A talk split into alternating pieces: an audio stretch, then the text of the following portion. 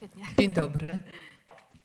Dzień dobry Państwu. E, Witam na trzecim Kongresie Praw Obywatelskich na panelu Sławni Zaangażowani Popularność w obronie wartości, na którym nasi szanowni goście opowiedzą o tym, dlaczego postanowili zająć publiczne stanowisko w istotnych dla nich kwestiach. Jest mi bardzo miło przywitać dzisiejszych gości. Pani Grażyna Wolszczak, aktorka teatralna i telewizyjna, prezeska Fundacji Garnizon Sztuki, producentka spektakli teatralnych w 2018 roku wniosła pozew przeciwko Skarbowi Państwa za zły stan powietrza i wygrała sprawę. E, Pani Areta Szpura, współzałożycielka znanej na całym świecie marki modowej Local Heroes, ekspertka w temacie ekologii i zero waste, razem z serwisem Noise zapoczątkowała akcję Tu słomki, autorka książki Jak uratować świat. Dzień dobry. Pan Adam Zieliński, Łona, raper i producent muzyczny, ale także prawnik i ekspert w dziedzinie prawa własności intelektualnej. W swoich utworach nie unika zaangażowania polityczno-społecznego. Dzień dobry. Miała być z nami jeszcze Iga Lis, ale z powodów rodzinnych niestety musiała zrezygnować z udziału w dzisiejszym panelu. Ja nazywam się Karolina Opolska, jestem dziennikarką Radia Tok FM i będę moderowała dzisiejszą debatę dla Państwa. Jeszcze tylko wspomnę, że kilka ostatnich minut, e, przez kilka ostatnich minut będzie można zadawać naszym gościom pytania, e, a cały panel jest transmitowany w Halo Radio. Bardzo Państwu dziękuję za przyjęcie zaproszenia do Kongresu Praw Obywatelskich. Reprezentują Państwo różne światy społeczno-kulturowe, ale to, co wszystkich Państwa łączy, to fakt, że postanowili Państwo wykorzystać swoją popularność do działalności związanej z szeroko rozumianymi prawami obywatelskimi, no bo nie da się ukryć, że kwestie ekologii i ochrony planety to też są nasze prawa obywatelskie. E, I zanim zapytam, dlaczego postanowili Państwo zająć stanowcze stanowisko w różnych ważnych kwestiach, chciałabym, żeby Państwo opowiedzieli trochę o tym, czym się Państwo zajmują.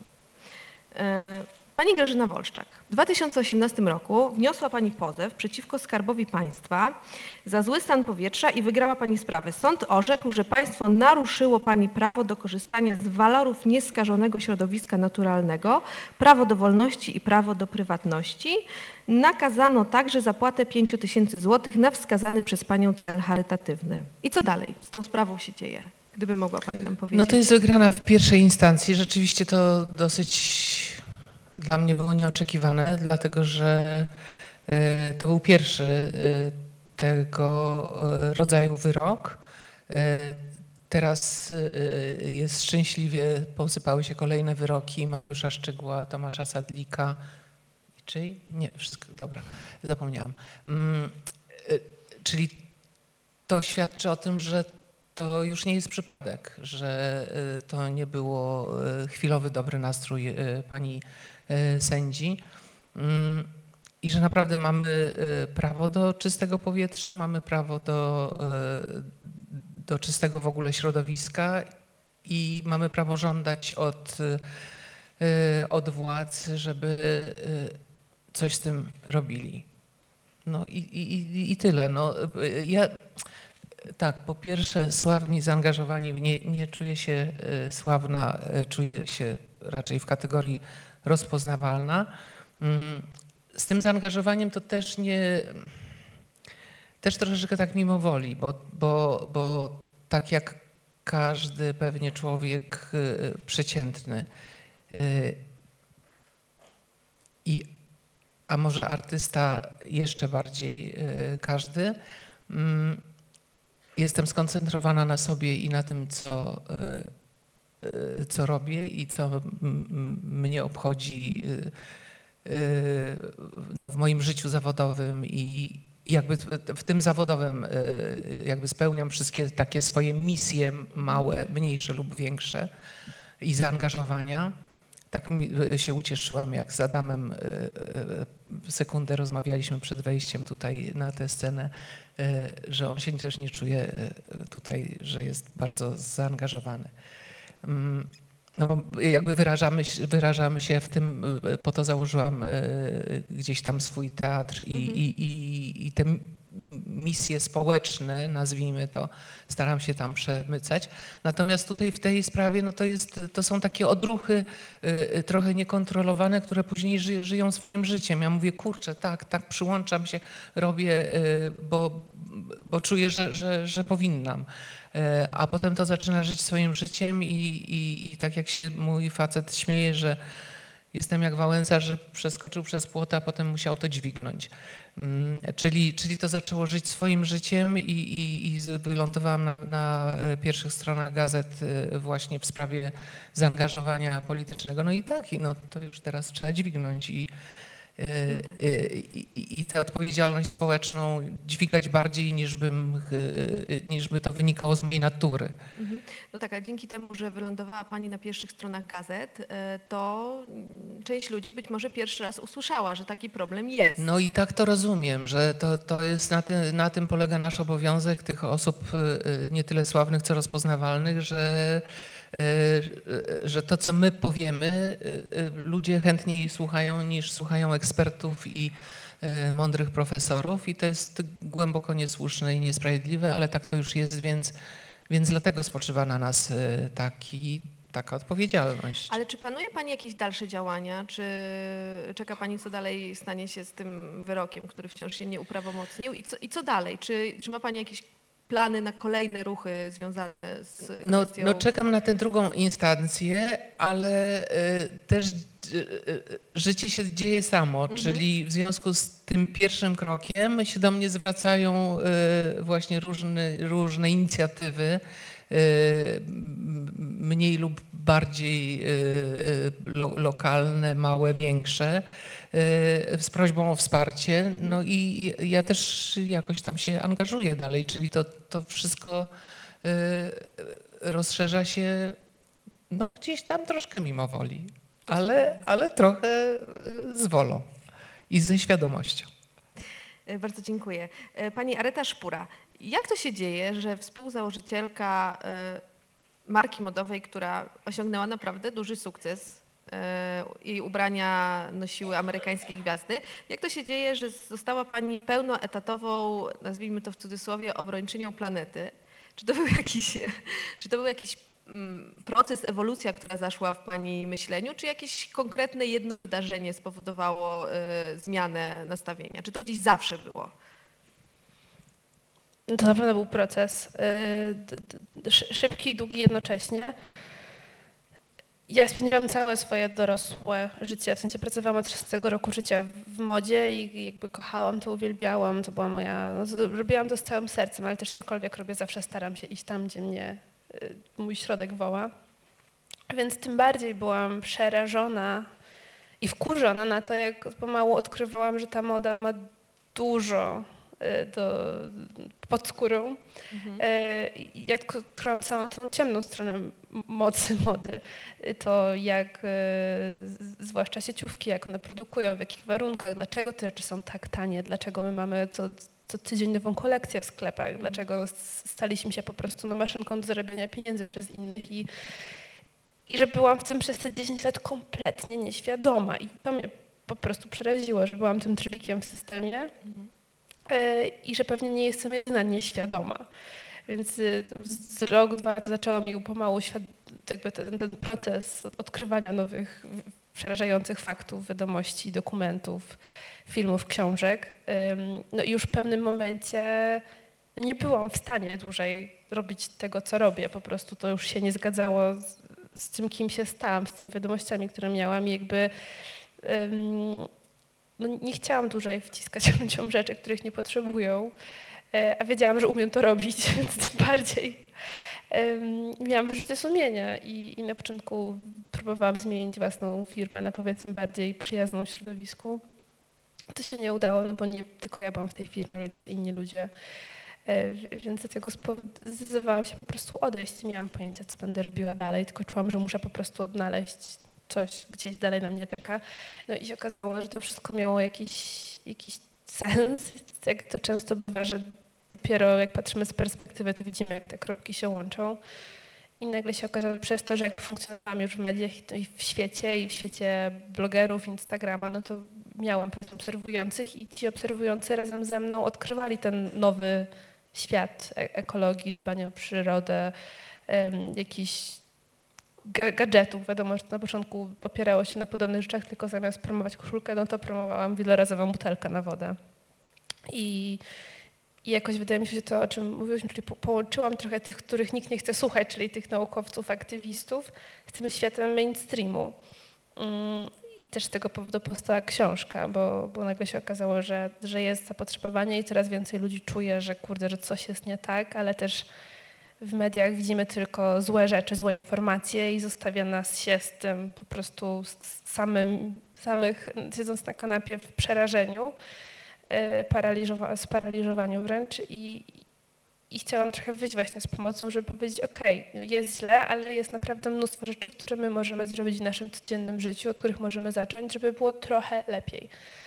E, I tak też powstało Jak uratować świat, które po prostu jest... Mm, Czy mogłaby Pani powiedzieć kilka słów na temat tej ciemnej strony przemysłu modowego? Bo to jest, y, myślę, to nie jest wiedza powszechna. To znaczy, my, konsumenci, nie do końca zdajemy sobie sprawę z tego, e, co kupujemy, dlaczego na przykład część ubrań jest taka tania, e, dlaczego tak często zmieniają się kolekcje, to co, o czym Pani powiedziała. Jak wygląda ta ciemna strona przemysłu modowego? Może to jest dobre pytanie, zwłaszcza teraz przed świętami, kiedy po prostu wszyscy ruszyliśmy szturmem do sklepów i wykup- wykupujemy wszystko, co leży na półkach.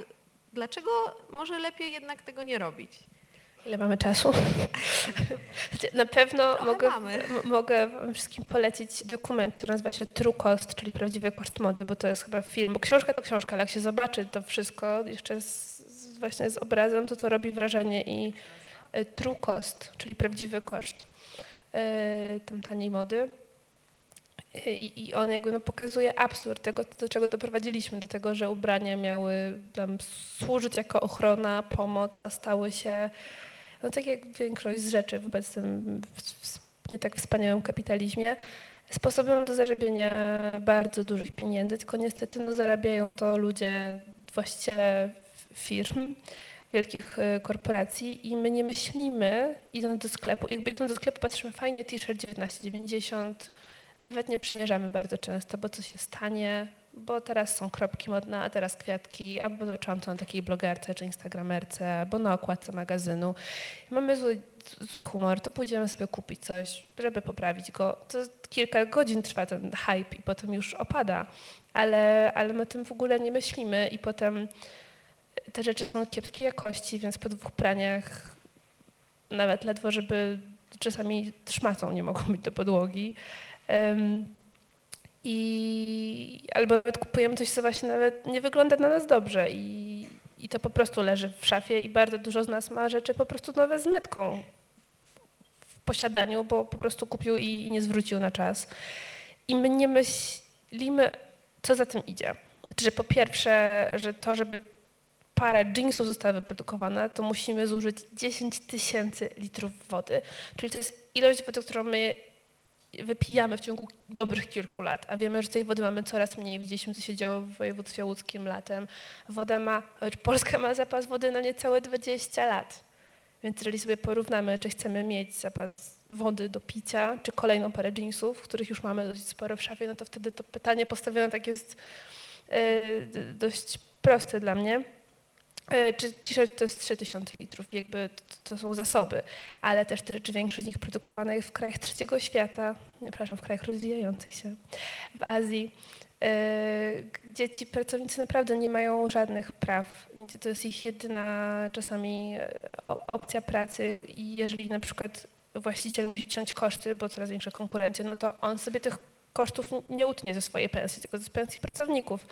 Więc bardzo często to osoby pracują za kilkadziesiąt groszy wręcz dziennie i nie są w stanie za to wyżyć.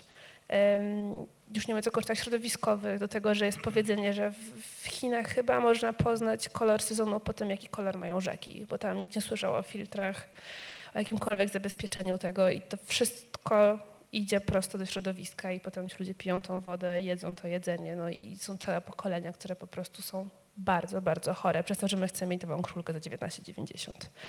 I także tych rzeczy jest tak dużo. To już nie jest kolekcja wiosna, lato, jesień, zima, tylko tydzień jest coś nowego, czy codziennie nawet i, i my moglibyśmy tak bez końca.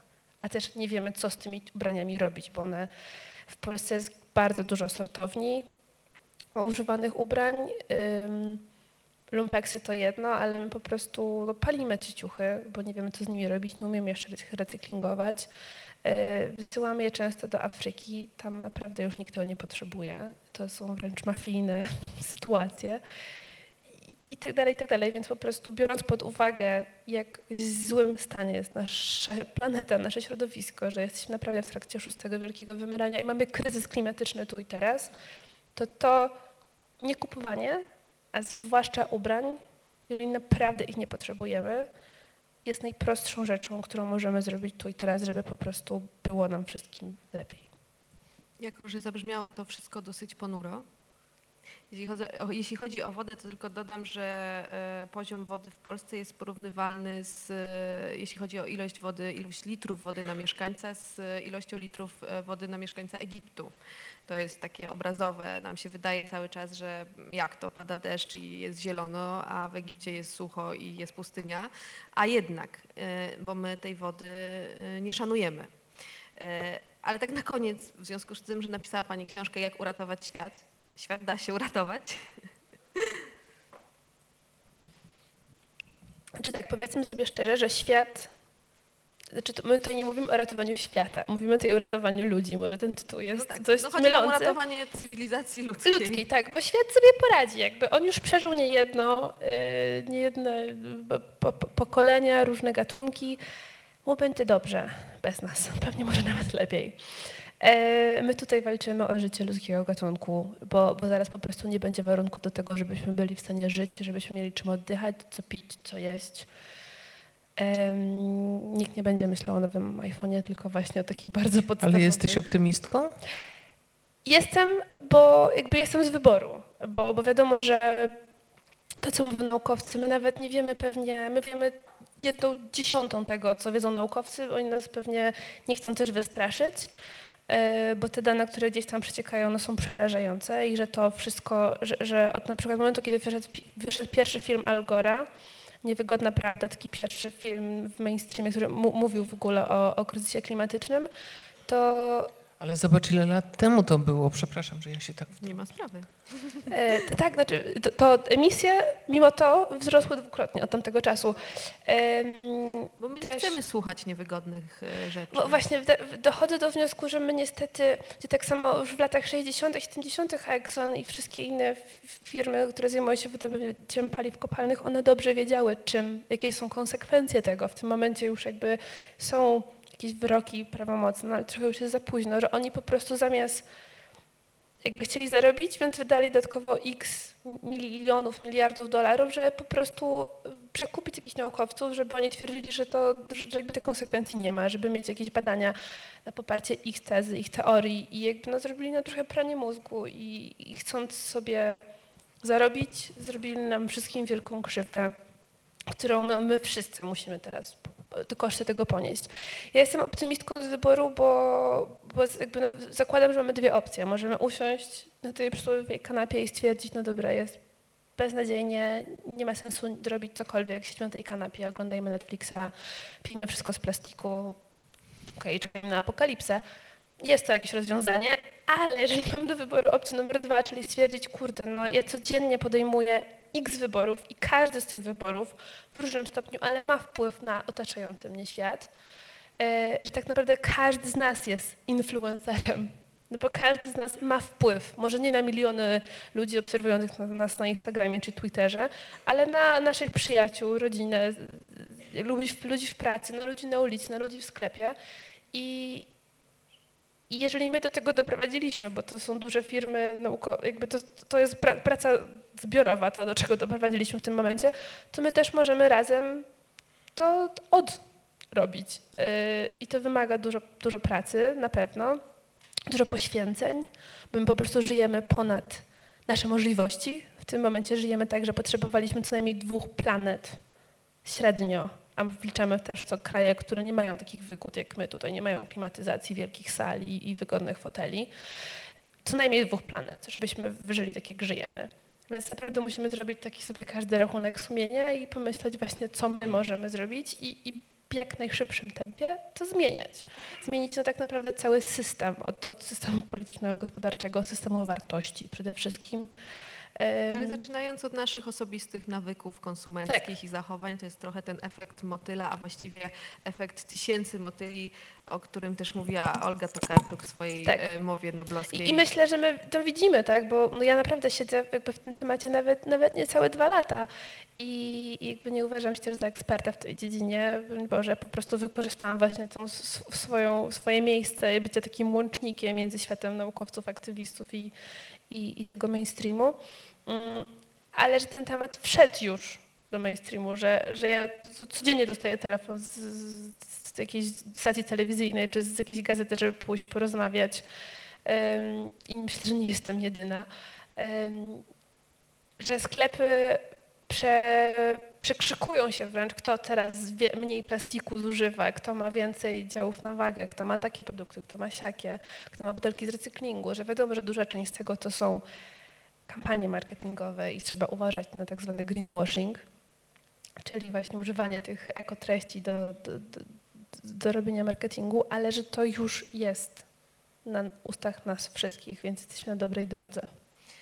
Tak, to jest ważne, żeby temat ekologii, ochrony planety stał się modny. I tak trochę widzę rolę osób rozpoznawalnych, żeby te trendy kreować i żeby sprawiać, że właśnie e, bycie, nazwijmy to eko, chociaż nie do końca lubię to określenie, ale zachowania e, mniej szkodzące planecie stały się modne. Tak, E, i, i no- przede wszystkim wiedzę, tak? Bo właśnie ten jakby no, wydaje mi się, że nikt z nas, jakby ja trzy lata temu nie miałam pojęcia, że moje picie przez słomkę ma jakikolwiek złe, No zły myślę, że trzy wpływ lata na co. temu niewiele kto miał, nie, mało osób miało to pojęcie, a trzy lata później yy, bary, restauracje wycofują się z plastikowych słomek i wręcz mam wrażenie, że jak gdzieś tą słomkę się spotyka, to jest to trochę powód do wstydu. Tak, więc jakby to jest bardzo w większości przypadków jest to po prostu kwestia niewiedzy, więc ta edukacja jest podstawą. Tak, y, mówiliśmy właśnie o wpływie, o Państwa wpływie na, y, na zachowania innych ludzi. Y, Jest z nami Pan Adam Zieliński, znany jako Łona. Pana utwory są bardzo zaangażowane. Prosiłem bez pana. E, Twoje utwory są bardzo zaangażowane społecznie, są na wysokim poziomie intelektualnym, są dosyć merytoryczne e, i metaforyczne. E, Rapujesz o, rapujesz, o- polityce, rapujesz o przepaści, która dzieli ludzi wywo- wywodzących się z różnych środowisk. To jest chyba utwór, który mnie najbardziej porusza ze wszystkich Twoich utworów, to jest Co tak wyje. E, ale też o problemach współczesnych młodych dorosłych, jak w Nie pytaj nas. Ale też niepokoi Cię to, że Polska brunatnieje, czyli e, coraz silniejsze są nastroje skrajnie nacjonalistyczne.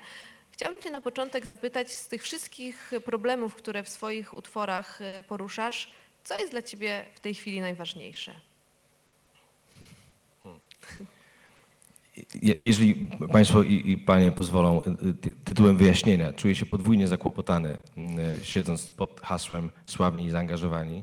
Jeżeli chodzi o sławę, to proszę wierzyć, robię wszystko, żeby jej nie osiągnąć, czego dowodem na przykład jest to, że przemiła Pani z radia przed wejściem tutaj pytała mnie, czy nie widziałem rapera Łony. I to nie jest jej wina, to jest moja zasługa po prostu. Czyli sukces na A tym jeżeli polu, chodzi o sukces. zaangażowanie, jestem potwornie zawstydzony e, tym, jak, jak mało robię e, w, w porównaniu do tego, co panie robią.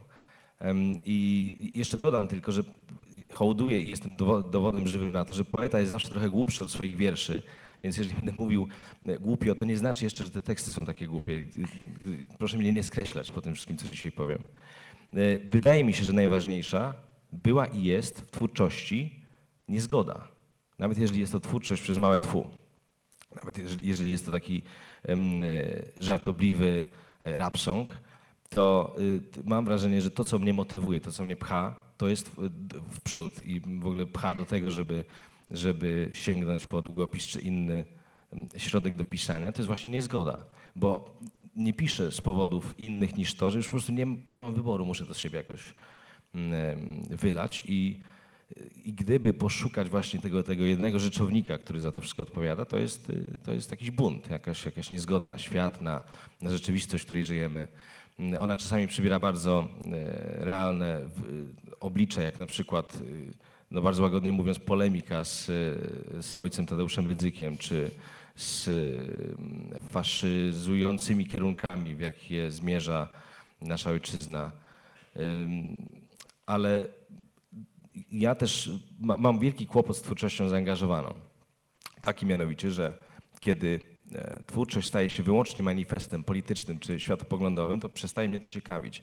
Wydaje mi się, że ona powinna być połączeniem e, jednak czegoś, e, co, co, co jest buntem w człowieku i mimo wszystko jakiegoś choćby minimalnego pierwiastka twórczego. Tak myślę. To była naprawdę wspaniała odpowiedź. Bardzo się cieszę. Powiedzieliście, powiedzieli Państwo, powiedzieliście dużo na temat tego, dlaczego postanowiliście się zająć tym, czym się zajmujecie. E, Przygotowując się do tego panelu, tak sobie o Państwu myślałam, że właściwie moglibyście tego nie robić. To znaczy moglibyście prowadzić sobie wygodne życie, Pani mogłaby kupić filtr powietrza i maseczkę antysmogową. Kupiłam. No to słusznie, ja również. E, a jednak postanowiliście się w jakiś sposób wystawić na ogień krytyki jakiejś publicznej e, i mam w związku z tym pytanie, czy spotkały Państwa z tego tytułu jakieś nieprzyjemności? Czy na przykład Pani Grażyna, czy e, no, trafiła Pani na pierwsze strony gazet i różnych e, portali internetowych i tam były różne komentarze w związku z tą walką ze smogiem. Tak, oczywiście na, natychmiast. To, to, ale to było ciekawe, bo ja e, tak czułam, że to w sądzie powinni mi tego diesla wyciągnąć. E, a e, tymczasem nikt tam się nie zająknął. Naprawdę to jest na, na, na temat, taka k- krótka refleksja na temat e, mm, no, m- poziomu e, obsługi prawnej e, naszego rządu. Wow, mówię wam. No, Właściwie moim zdaniem nie mieli nic do powiedzenia ci panowie, którzy tam się stawili e, w liczbie trzech e, prawników. Ale ale z ciekawości zapytam, j- jakie były argumenty pr- przeciw pani? Nie, no to, to, to, były różne argumenty takie, że, że, że, że to właściwie Skarb Państwa nic nie ma do środowiska. Mm, Po drugie, że y, taka sugestia delikatna, y, może nie wprost, że smogu nie ma, Mhm. że to jest jakieś no, normalne zjawisko y, przyrodnicze. No tak, te, te Mm. głosy się pojawiają na najwyższych szczeblach władzy, że nie ma problemu. Tak, i że to nie jest... To, Jako Polska, jest przecież informacja sprzed dwóch dni, jako jedyna kraj Unii Europejskiej powiedziała nie na e, Zielony Ład dla Europy. to E, niesłychane w i- ogóle, niesłychane. E, Tak, i jest to przedstawiane jako wielki sukces, że się nie ugięliśmy przed pod presją i że dzięki temu będziemy żyć szczęśliwie i bogato. Tak, Tak nikt nie Ale myśli o krótko. tym, że my będziemy musieli do tego dojść, że jeżeli chcemy zostać w Unii, co mam nadzieję się wydarzy, ale że to jest no, czysto polityczne zagranie. Także tak, ta, tak, że odpowiadając na pytanie, y, y, y, rzeczywiście troszkę tego hejtu było. Na szczęście więcej słów wsparcia dostałam.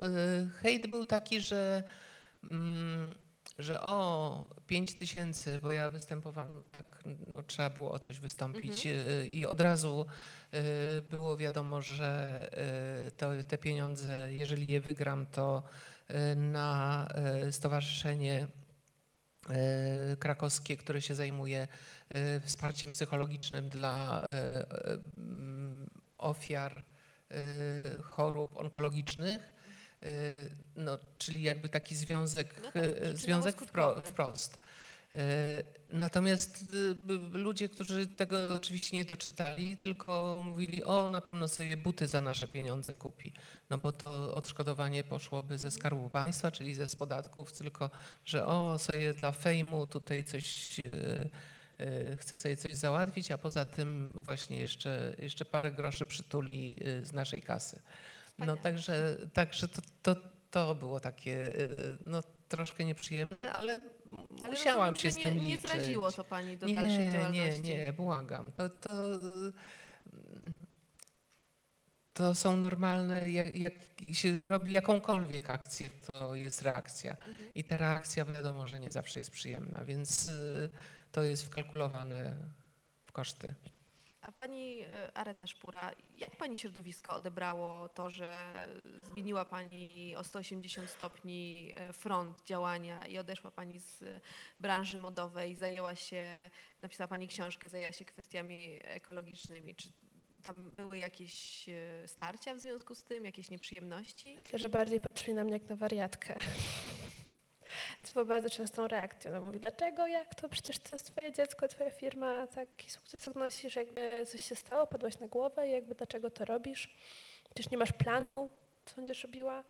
Że nie byli w stanie zrozumieć, że można wyjść z tej strefy komfortu, jeżeli coś rzeczywiście nie, jakby nie jest zgodne z, z, nami, że te, drugą stronę tym patrzę i też myślę, dlaczego w ogóle lu- ludzie tak reagują, jak cokolwiek się robi, że my jesteśmy tak bardzo nieprzyzwyczajeni do tego, że można, że, że to nie przychodzi nam z automatu, że skoro właśnie, no, czy, czy jesteśmy na, na, na tym świeczniku, czy nie, że każdy z nas ma ten wpływ i to jest chyba coś, z czym najbardziej walczę, z takim w ogóle brakiem poczucia sprawczości w każdym z nas. Że jak ktoś coś robi, wychodzi przed szereg i mówi, to myśli, no, on chce ten spotlight, on chce tą uwagę i od razu hejtujemy, a nie myślimy, kurde, ekstra, że ktoś wychodzi, robi, poświęca swój czas, chęci i chce patrzeć ponad czubek własnego nosa i chce zrobić coś dla innych. No, a oczywistością jest to, że no, to dawanie daje dużo większą satysfakcję niż tylko i wyłącznie branie. I, i to jest jakiś taki no, dla mnie nadrzędny w ogóle cel życia i tego, jak skoro już tutaj jesteśmy.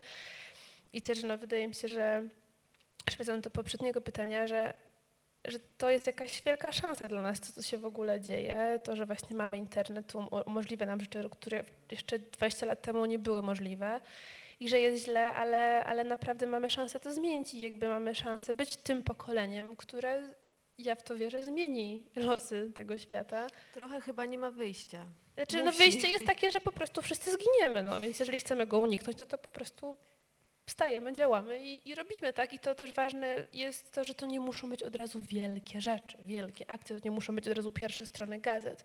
A my też mamy takie wrażenie zakodowane w nas poczucie, że właśnie jak, jak to nie będzie wielkie wow, to w ogóle nie ma co zaczynać. To wystarczy, że weźmiemy koleżankę na bok, którą nie wiem, która widzimy, że ma gorszy dzień z nią porozmawiamy, czy pomożemy jakiejś pani przenieść wnieść zakupy na, na trzecie piętro. Yy, Czy, czy to nie muszą być tylko i wyłącznie takie wielkie akty, gdzie zakładamy super, czy pelerynę superbohatera, tylko możemy być takim bohaterem codziennie, lokalnym bohaterem.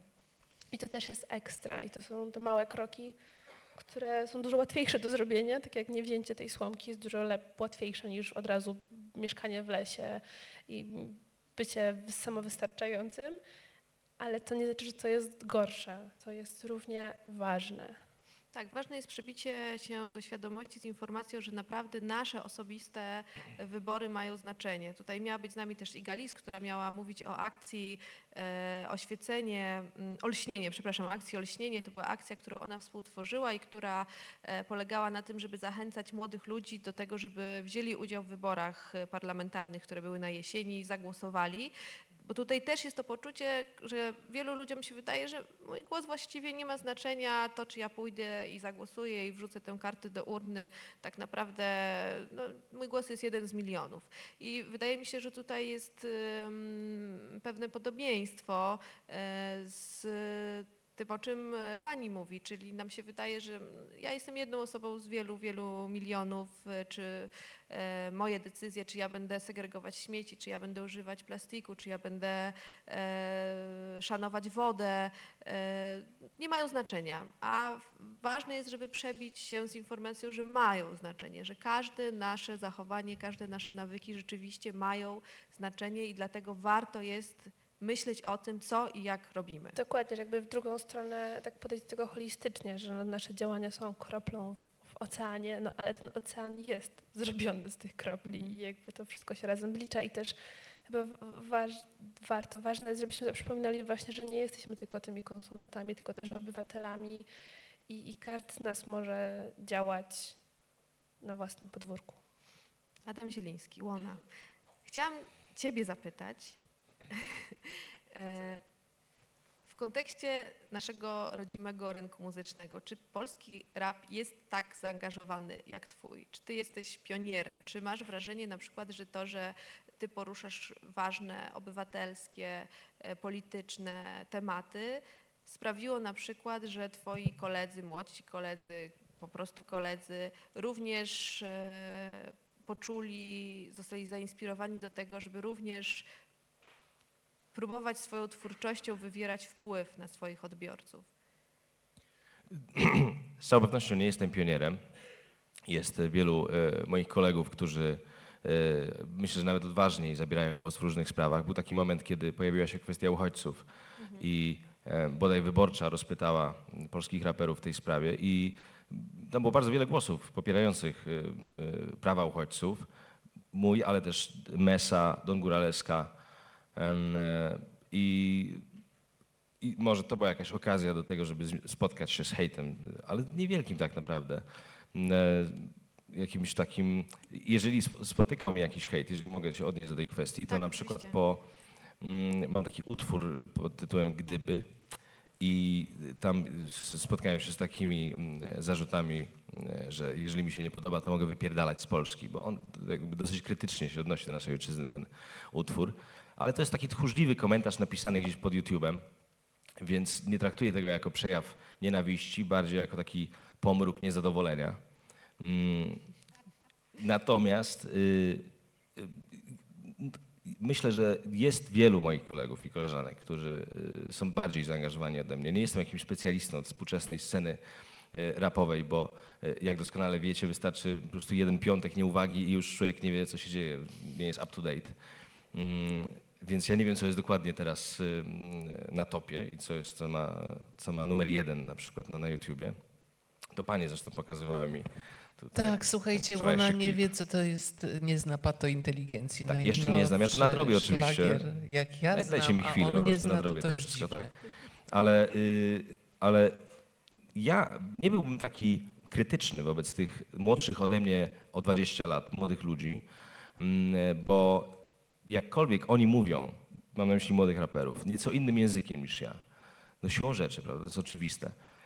I nie zawsze muzycznie to jest moja bajka, to często widzę tym, w tym właśnie tę cechę, niezgodę, jakąś taką chęć walki ze światem, zmierzenia się z nim, złapania się za bary z rzeczywistością czy, czy ze światem. Czyli, umówmy się, sui generis odwagę. I to jest super, to jest cenne. Nawet jak, jak się mówi trochę innym językiem i ma się 19 lat i ta, i ta niezgoda, czy odwaga e, przybiera nieco inny wymiar i jest nieco innymi słowy wyrażana, to i tak jest spoko. Także ja jestem spokojny. Jesteś spokojny o e, naszą przyszłość. jeżeli chodzi o rynek muzyczny. Bo jeśli chodzi o planetę, to trochę gorzej.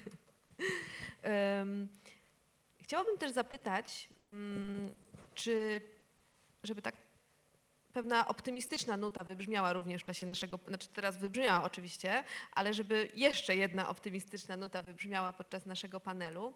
Czy mm, czujecie, czy czują Państwo jakieś wymierne skutki swojego działania, to znaczy jakiś pozytywny wpływ, że coś się zmieniło, czy to w e, Państwa najbliższym otoczeniu, czy wręcz gdzieś szerzej, e, tak żeby pokazać, że to, co robicie, ma sens, że rzeczywiście e, warto się zaangażować, nawet jeśli e, z tego tytułu potem spotykają Państwa jakieś nieprzyjemności, jakiś hejt, czy po prostu no, jakieś nieprzyjemne e, sytuacje, że to jest, że gra jest warta świeczki, że to, co robicie, ma jakiś, e, jaki, ja- jakieś pozytywne skutki. Widzę, że Pani Eleta Szpra kiwa głową, więc poproszę o odrobinę e, Zwierzeń. pozytywnych wiadomości. Czy ja codziennie mam takie małe cudy i objawienia, i zwłaszcza jak mam jakiś gorszy dzień, bo jestem też tylko człowiekiem i miałam gorsze dni i kiedy ta energia do działania i chęci spadają. Właśnie wystarczy jedna wiadomość od kogoś na Instagramie, kto właśnie przeczytał książkę, czy przeczytał jakiś wywiad, czy obejrzał film i, i mówi, kurde, dzięki temu zmieniłem swoje nawyki, zacząłem zmieniać, potem moja mama, moja siostra, mój chłopak i teraz cała moja klasa albo praca i, i to jest tak właśnie ten wspaniały efekt motyla i świadomość, że coś, co ja od tak wrzuciłam, zmieniło czyjeś życia de facto nasze, wszystkich tutaj życia, no bo te wszystkie nasze decyzje i, i wybory są jakoś zależne i wpływamy na siebie nawzajem. To jest dla mnie niesamowite, jest taką magią że właśnie tego internetu, także ja, jak gdybyśmy żyli kilkadziesiąt lat temu, ja musiałabym stać na patelni i z megafonem i krzyczeć, co mam do powiedzenia, to nie wiem, czy byłabym tak chętna, żeby to robić i miałabym sobie tyle odwagi. E, Więc ten internet, mimo tego, że wiemy, że ma dużo minusów, to ma naprawdę też bardzo dużo plusów, jak go mądrze używamy. Więc może w wielkim skrócie tak. Nie, widać, no, widać, że się zmienia, bo jeszcze, y, jeszcze parę lat temu, jak ja segregowałam śmieci, to czułam się trochę jak frajer. Y, Jak widziałam te śmieciarki, które te moje segregowane śmieci wszystkie wrzucają do, do jednego tego, a poza tym y, no też jakby wśród znajomych było, mówię, a daj spokój tam, mówię, segregujesz, a daj spokój, nie, to co ja mam segregować. W tej chwili to już jest wiocha nie segregować, więc, więc to, no, to to jest... wręcz są wyższe opłaty, jeśli się nie Eee, segreguje. Co też jest Ale, ale też już nie wypada, Tak, e, nawet prawda. jak ktoś tam wrzuca niesegregowane, to już się do tego nie przyznaje, tylko Mhm. robi to po cichu, jak e, ci, co tam w lesie wy, wyrzucają. E, e, No i z tymi łąkami, no, no, no, także to są takie małe zwycięstwa, ale, ale no jeszcze jest mnóstwo, nie wiem, wczoraj w radio słuchałam, nie wiem, czy to na, na waszej antenie e, rozmowy i tak słuchacze dzwonili i, i mówią, jaka zmiana klimatu, jakie w ogóle, o co chodzi. Jest no, taka, takie mnóstwo ludzi, którzy, no, my tutaj no, nie wierzę, że, że ktoś jest na tej sali, który, który nie ma świadomości katastrofy ekologicznej, która no, właściwie już się dzieje. Mm, Ale jest tyle ludzi, którzy w ogóle nie mają zielonego pojęcia, nie, nie chcą w to wierzyć, uważają, że to jest eko, jak, jakieś tam o, o, oszołomstwo, y, które wprowadza zamęt tylko i wyłącznie. Ale też myślę, że mają prawo nie wiedzieć, albo raczej prawo nie wierzyć w to, co słyszą, bo, bo wiedzą, ile razy się sparzyli na tym. E, I też wydaje mi się, że to jest właśnie czysto taka psychologiczna reakcja, że po prostu mamy wyparcie, że słyszymy o tym, zbliża się ta katastrofa i my po prostu udajemy, że nie ma tematu, sami siebie oszukujemy. Udajemy, że nie ma tematu, poza tym dochodzą do nas też głosy e, autorytetów, osób wysoko postawionych e, Tak, Czy hierarchii zresztą mówiąc wprost najwyższych przedstawicieli Rzeczypospolitej, którzy mówią, że nie, ja nie wiem, czy jest globalne ocieplenie, prawda? Tak, a z drugiej strony to, że 97% naukowców na świecie jest zgodnych. Jakby procent, który się chyba nigdy wcześniej nie zdarzył, że jest zmiana klimatu, ba, że to człowiek ją spowodował. Więc jakby jeżeli ktoś chce naukowe dowody, to ma ich całe masę w internecie, można podesłać komu trzeba. No tak, ale e, trudno jest uwierzyć też w coś, czego my tu w Polsce nie czujemy na własnej skórze, bo my słyszymy, że tam gdzieś latem w Łódzkim nie było wody, że tam gdzieś na Mazurach pojawiły się tornada, których tak, wcześniej nie było. płonie Amazonia, Australia. E, Tak, że nie ma dookoła. śniegu w grudniu, nie ma śniegu, nie było ani razu. Ale to nie jest, to nie są jeszcze rzeczy ekstremalne, które nas dotykają, dlatego nam się wydaje, że no to wszystko jest przesadzone, histeria, co mnie bardzo martwi, ale to też właśnie Państwa rolę, tak widzę, osób rozpoznawalnych, y, że to jest Wasza rola, żeby pokazywać, że problem jest, istnieje i nie można na niego zamykać oczu i to, że ktoś z rządu powie, że problemu nie ma, że smogu nie ma, bo jak się spali śmieci, to to znika w powietrzu, bo takie były wypowiedzi. E, W związku z tym, że ludzie nie do końca lubią słuchać naukowców, to jest trudne, bo to jest nieprzyjemne, to właśnie wasza rola jest w tym, żeby im pokazać przystępniejszym językiem, e, w atrakcyjniejszy sposób, że problem jest, jest bardzo poważny e, i że zależy tak naprawdę jego rozwiązanie od tego, co robi każdy z nas. Tak, ja też często odsyłam ludzi do Króla. E, Bo tam na początku jest taka piękna piosenka, która nazywa się Krąg Życia. I, I do tego, że my zapominamy, że ta planeta jest okrągła i że a tutaj wszystko, co mamy, jest naprawdę limitowane. Nie będziemy mieli drugiej i nowych zasobów złóż wody, powietrza. Więc musimy dbać o to, co mamy. Dwa, że przez to, że jest okrągła, to tak naprawdę nie możemy tutaj nic wyrzucić i właśnie jak wyrzucimy, nie posegregujemy śmieci, to potem mamy inne zanieczyszczenia i to do nas wróci, czy w postaci na przykład mikroplastiku, którego zjadamy. Ostatnio badania mówią, że to jest ilość takiej karty płatniczej rocznie, więc jest to sporo plastiku w naszym organizmie, które się uzbierało. Nie wiemy jeszcze, jaki to ma wpływ, ale możemy domyśleć się, że raczej żaden dobry.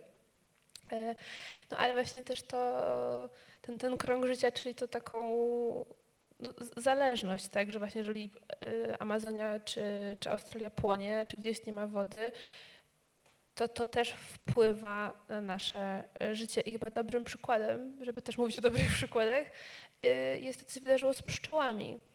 Że my jakby wcześniej odgadzieliśmy i po prostu średnio pałaliśmy sympatią, no ale jak się dostało do tej y, masowej świadomości to, że jeżeli pszczoły wyginą, to 5 lat jest po ludziach, No to już Einstein o tym pisał. tak, no ale że Ale musieliśmy sobie kilka lat, zanim- przypomnieć. Kilka ładnych lat, zanim przebiło się to do świadomości. Tak.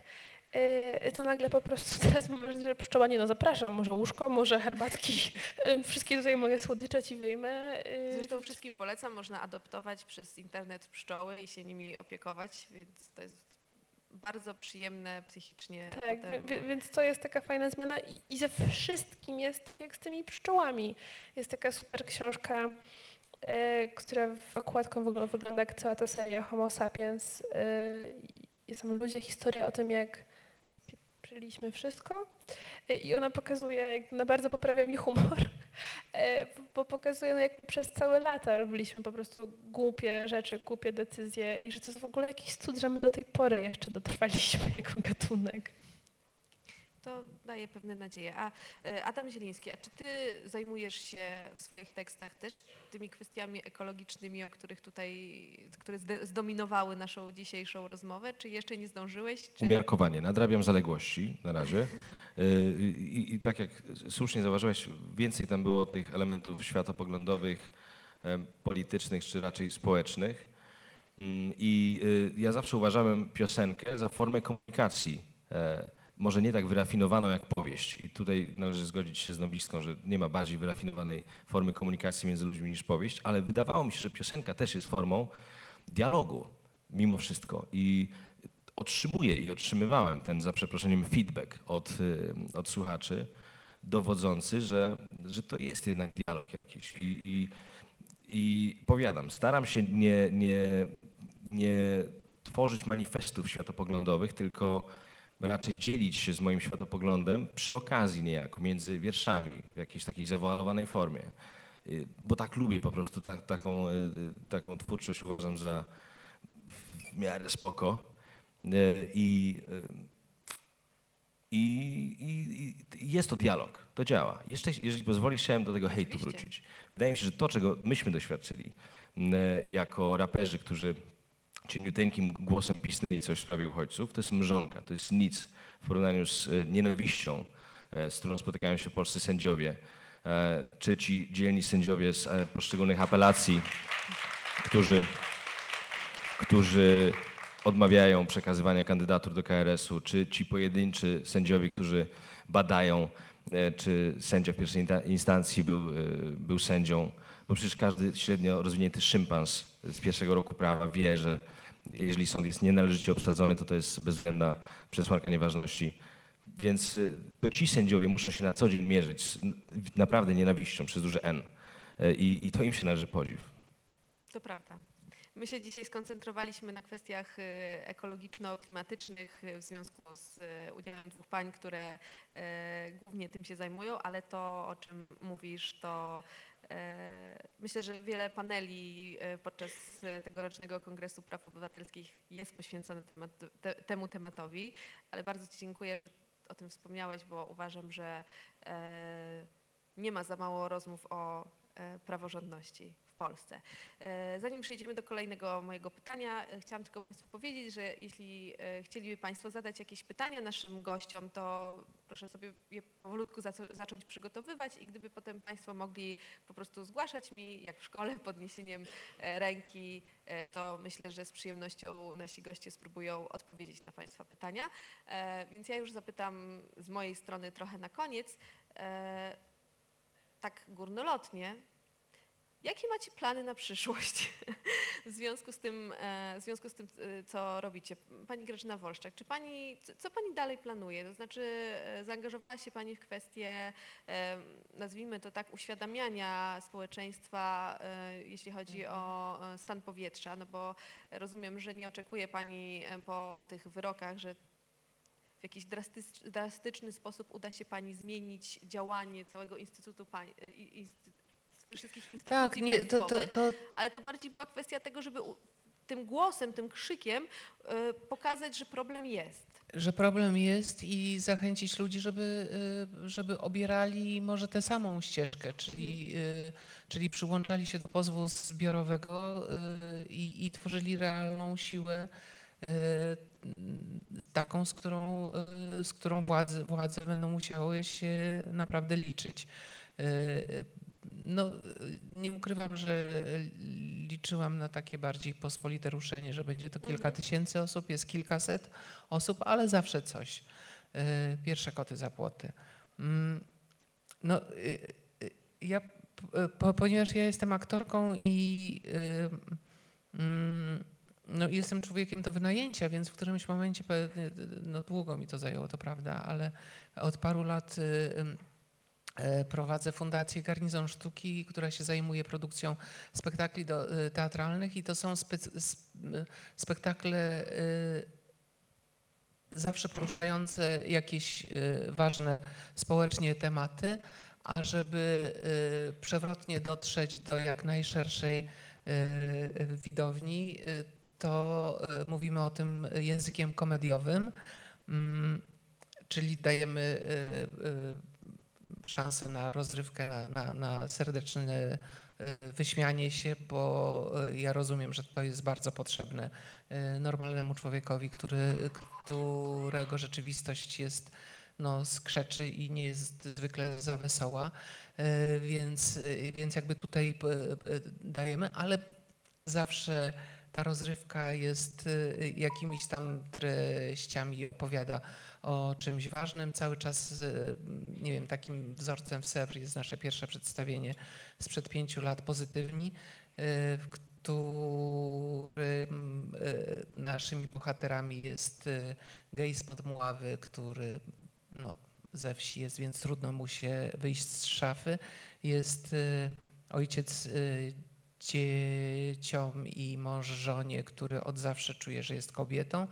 Y, No i jest y, y, dziewczyna z konserwatywnej, tradycyjnej polskiej rodziny, która z teczek z IPN-u się dowiaduje o swoich korzeniach żydowskich. Więc taki jest punkt wyjścia.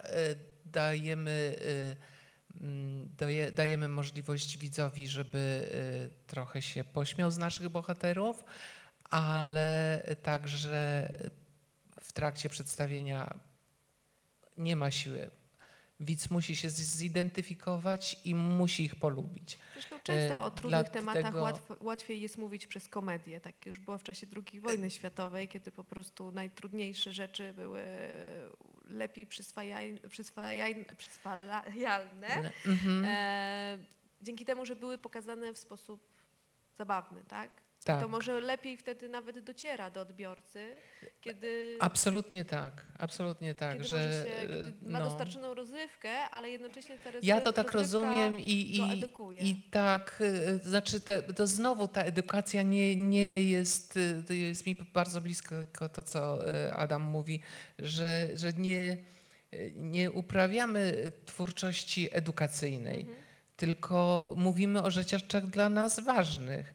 I jak dla, dla mnie jest, y, y, nie wiem, no, y, bo, boli mnie robienie przez tutaj przez rządzących, nie wiem, opowiadanie o tęczowej zarazie, czy o ideologii LGBT i ideologii gender, no to ja, ja muszę to poru- poruszyć jakoś, no, no tak jak potrafię, ale, ale opowiadam o tym, co jest dla mnie ważne. Y, Ja te, teraz właśnie, może, może ktoś mi podpowie, bo, bo tak czuję, że bardzo jest w teatrze e, zagospodarowana e, ta grupa dziecięca, jest teatr dla dzieci, jest teatr dla dorosłych, w których każdy, że tak powiem nieładnie handlowo ma jakąś ofertę dla siebie znajdzie.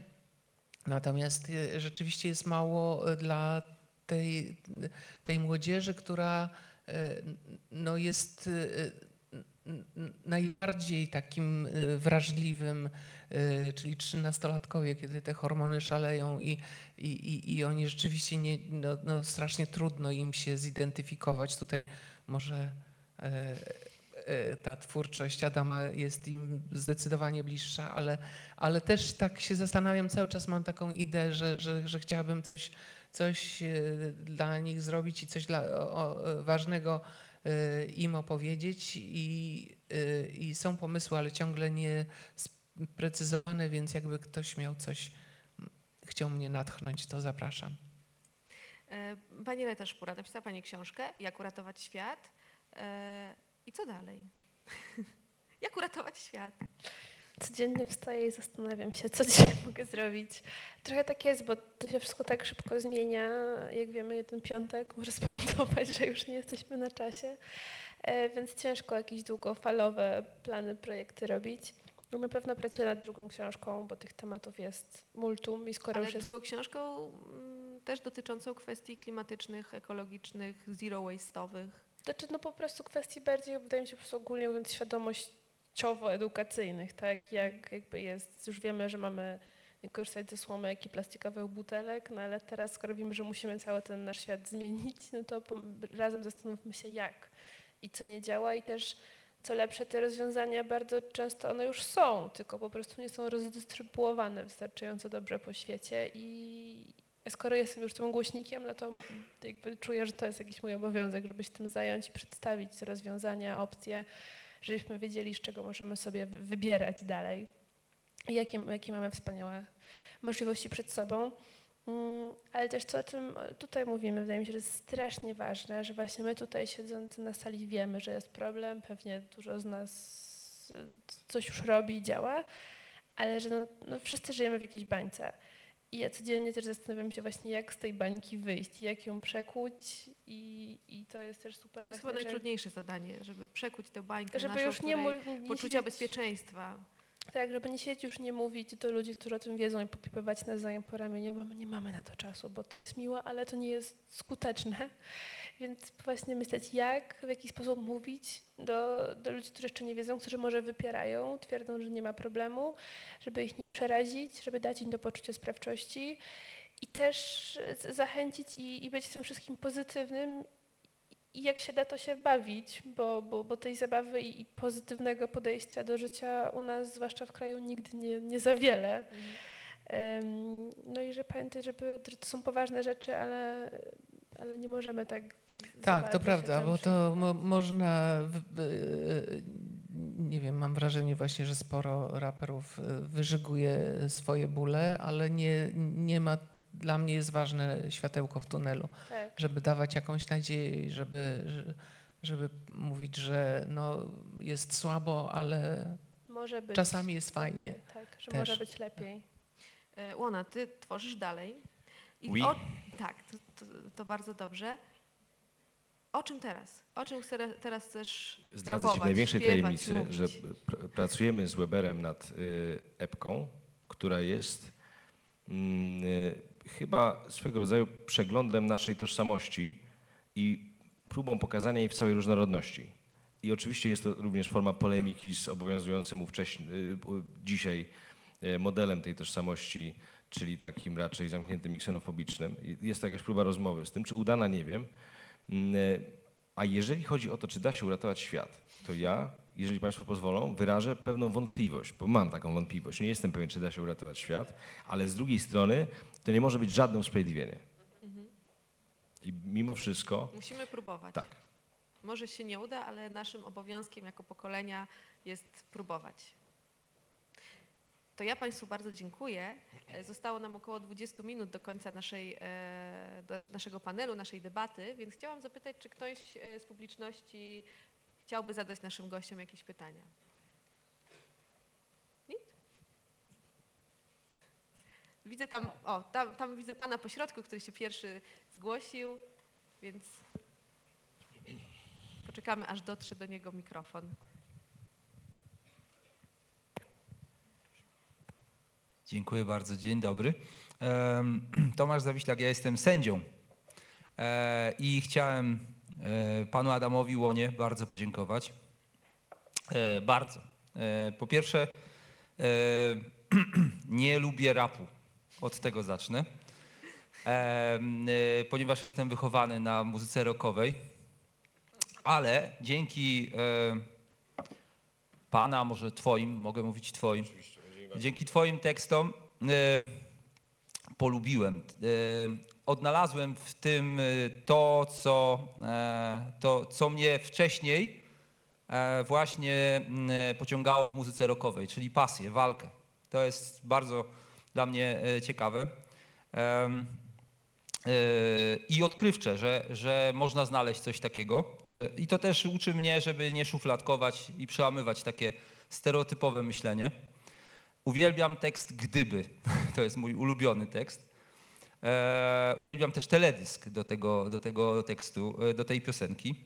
Em, ale chcę powiedzieć, e, zadać e, Ci dwa pytania. Pierwsze to jest, e, pierwsze to jest pytanie o Twoje funkcjonowanie w dwóch światach. W świecie sztuki i e, prawa. No bo z tego co wiem, czytałem, to jesteś aktywnym, e, czynnym zawodowo radcą prawnym.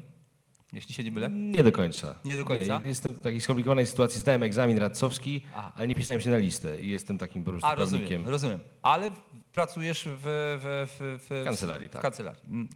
E, Jak to jakby wpływa na twoją pracę, twoja aktywność e, artystyczna i e, zwłaszcza chodzi mi o pewne ograniczenia, e, bo mm, sędziowie mają mnóstwo tych ograniczeń. Z tego co wiem, to mm, prawnicy innych korporacji też. E, Właśnie to jest ta korporacyjność narzuca te ograniczenia bardzo mocno.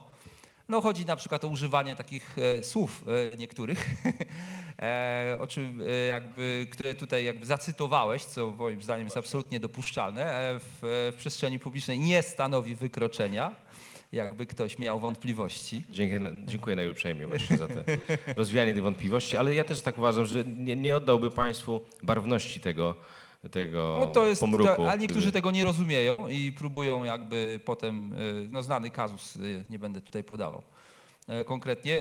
e, To jest jedna rzecz. A druga rzecz to jest kwestia artyści a polityka. Znaczy, jako sędziowie dostrzegamy, że coraz więcej artystów jakby zabiera głos w sprawach obrony praworządności. To jest wiadomo, najbliższa ciału koszula i nas to najbardziej dotyczy. Ja absolutnie nie deprecjonuję tematów klimatycznych, i, i, i, bo to są też bardzo, bardzo ważne, naj, najważniejsze sprawy.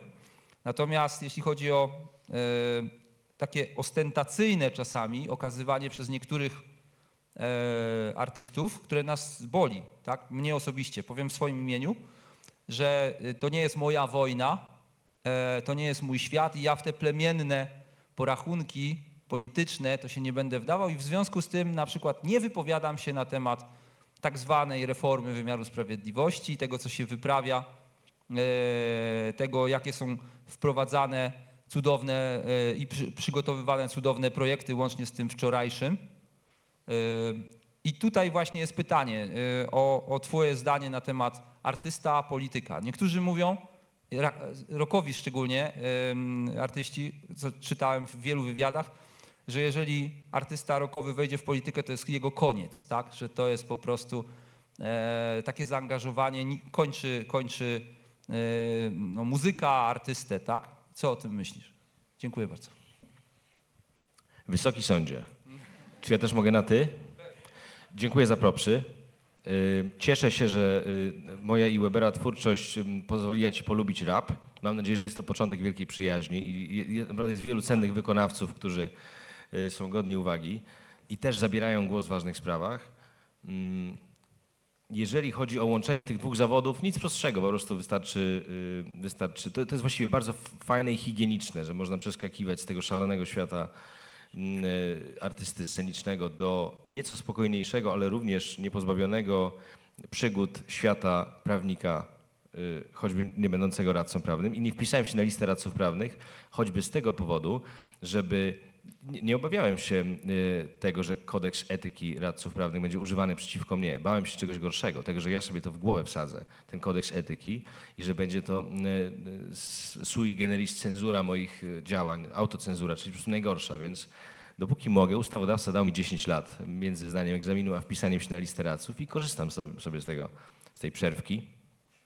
Jeżeli chodzi o zaangażowanie polityczne, wydaje mi się, że jedni, jedni mają potrzebę i odwagę zabierać głos w sprawach publicznych, inni nie mają takiej potrzeby. Może dlatego, że wolą być Szwajcarią w niektórych kwestiach, może dlatego, że się nie znają na tym. Trudno powiedzieć. Mi się wydaje, że każdy absolwent prawa w tym kraju ma po prostu obowiązek wobec tych ludzi, którzy jakiś wysiłek włożyli w jego edukację, którzy uczyli go prawa konstytucyjnego, żeby rozumieć, co się dzieje, choćby tyle i już zmierzyć się z tym na własną rękę, czy się z tym zgadza, czy nie. A jeśli zgadza się, to, to dlaczego? Czy w imię kariery, co jeszcze od biedy można zrozumieć, już tak po ludzku, czy w imię, y, czy w imię, no nie wiem czego tak naprawdę, w imię czego można rozumieć to. Ja się z tym głęboko nie zgadzam i mam wielu znajomych prawników, e, z którymi y, często rozmawiam o tym. I to jest też dobra strona tej całej sytuacji, że prawnicy, którzy na co dzień zajmują się kodeksem spółek handlowych, muszą siłą rzeczy co jakiś czas sięgać do konstytucji czy do ustawy o, o y, IPN-ie, czy do ustawy o, y, o NIK-u, y, czyli do czegoś, co ostatni raz widzieli na studiach zwykle. Mm, I, I to jest dobra strona tego, wydaje mi się. I w ogóle, jeżeli ktoś jest prawnikiem, no to po prostu powinien, mm, powinien zabierać głos w tej sprawie. Tak mi się wydaje. Chyba.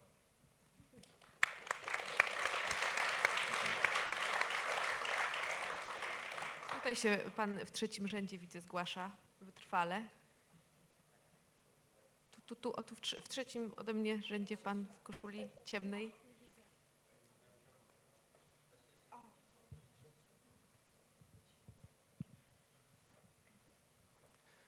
E, Dzień dobry, nazywam się Mateusz Patalan i ze względu na wiek ja jednak będę optował przy formie pan.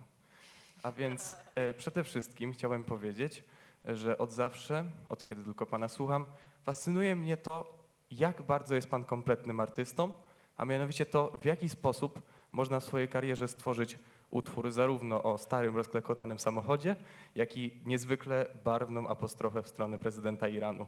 Chociaż wydaje się, że to są tematy kompletnie niewspółmierne, to jednak wszystkie te kawałki mają jakąś wspólną, e, mają ze sobą coś wspólnego. To, to jest dla mnie jasne światło w świecie raperskim, bo ja rap bardzo lubię, ale tylko ten dobry. To oczywiście Bardzo panu dziękuję za, y, za, te, za ten props. I y, obawiam się jednakowo, że przecenia pan moją kompletność. Y, I tutaj pozwolę sobie zachować votum separatum. Wydaje mi się, że jeszcze że, że, że jest dużo niedoskonałości w tym, ale to, co łączy te dwa y, utwory słowno-muzyczne, to wspomniana przeze mnie wcześniej wielokrotnie niezgoda.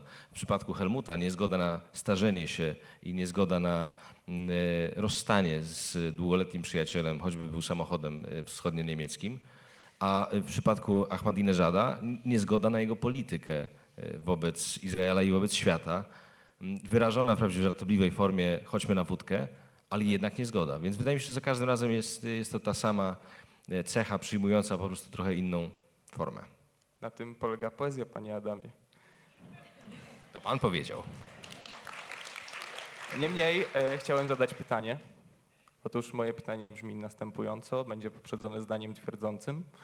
Otóż e, niemalże 20 lat temu śpiewał pan, że optymistą być warto, bo dzięki temu możemy zasłużyć na dosyć spore względy u płci przeciwnej. Jednak moje pytanie nie będzie dotyczyło relacji damsko-męskich. Moje pytanie będzie dotyczyło tego, że już za dwa tygodnie wejdziemy w rok 2020 drugą, nie, drugą czy trzecią, trzecią dekadę XXI wieku. Drugą. Tak, za rok. Ach, za rok, rzeczywiście, tak, tak. 2021. W każdym razie e, będzie rok 2020, rozpoczną się lata 20. humanistyczny kongres. I w związku z tym mam pytanie. Czy wchodzi pan w lata 20 jako optymista? Tak, tak, oczywiście, że tak. I, y, bo poza niezgodą wydaje mi się, że muzyka, nawet nie, przepraszam, nadużywam tej formy, wydaje mi się, y, ale jestem pewien, że, że muzyka powinna nieść jakieś światło. U mnie to jest rzeczywiście optymizm, często ubrany w szatki y, zupełnie innych stanów, ale każdy w miarę uważny obserwator dojrzy ten optymizm na dnie. I oczywiście, że wchodzę w lata 20, bez względu na to, kiedy się zaczynają, czy za miesiąc, czy za rok z miesiącem, z no, pewną jednak dozą optymizmu, co wynika z, raczej z usposobienia niż y, z, z, z refleksji nad y, rzeczywistością obecną. Ale tak, optymizm. Dziękuję bardzo za Może Mam jeszcze pytanie pomocnicze. Możemy sobie zrobić zdjęcie potem? Taka możliwość jest. Tutaj y, widzę, że pan się zgłasza z pytaniem kolejnym.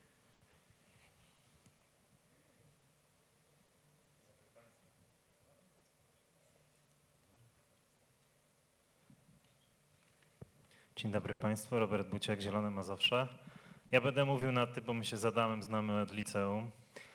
E, I ja chciałbym trochę zaparacjonalizować e, tą nadzieję, a sprowokowała mnie do tego pani Grażyna Wolszczak, em, dlatego że pani powiedziała o tym, że nikt z tych prawników wynajętych przez państwo nie zająknął się na temat tego, że pani jeździ dieslem. A ja o tym mówiłem pani Mariuszowi Szczygłowi rok temu w faktycznym Domu Kultury, jak państwo ogłaszali, że będą em, występować przeciwko państwu e, za ochronę swoich dóbr osobistych, jeśli chodzi o środowisko. E, I moja operacjonalizacja polega na tym, że naukowcy mówią, że możemy zrobić trzy, naj, trzy najważniejsze rzeczy, które możemy zrobić, żeby ochronić em, naszą planetę przed zagładą, której, którą jej szykujemy, to jest zrezygnować z plastiku.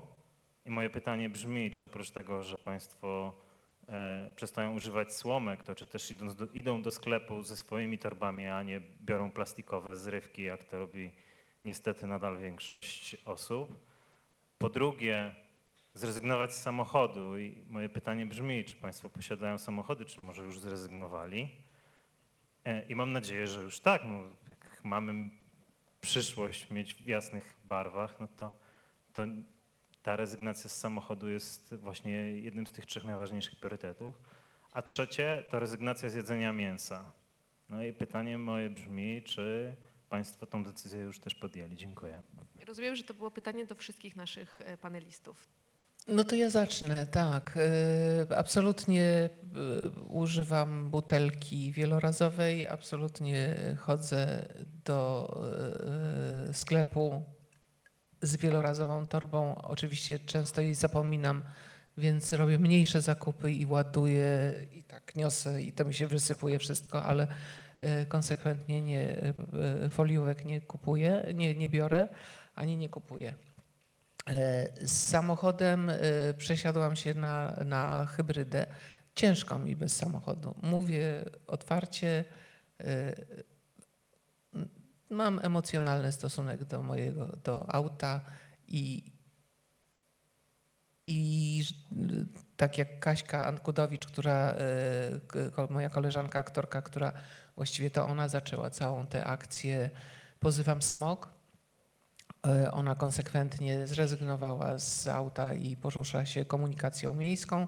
E, Ja jeszcze robię tam, oczywiście z pełną świadomością mam tę hybrydę, że, że nawet jeżeli to będzie elektryczny samochód, to ta energia też jest pozyskiwana u nas z węgla, więc to jest no, jedna wielka jakaś, może nie, nie całkiem ściema, ale, ale trochę ściema.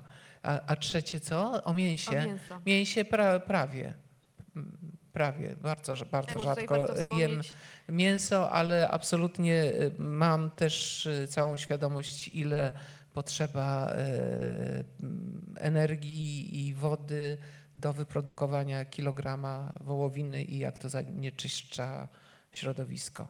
Poza tym hodowla, przemysłowa hodowla mięsa e, jest odpowiedzialna za największą ilość emisji dwutlenku Tak jest, węgla, większą dokładnie. niż cały transport lądowy, wodny i powietrzny razem wzięty. Tak, także jest podejrzewam, że pamiętać. prędzej już całkowicie z mięsa zrezygnuję niż z samochodu, ale e, no, ograniczam.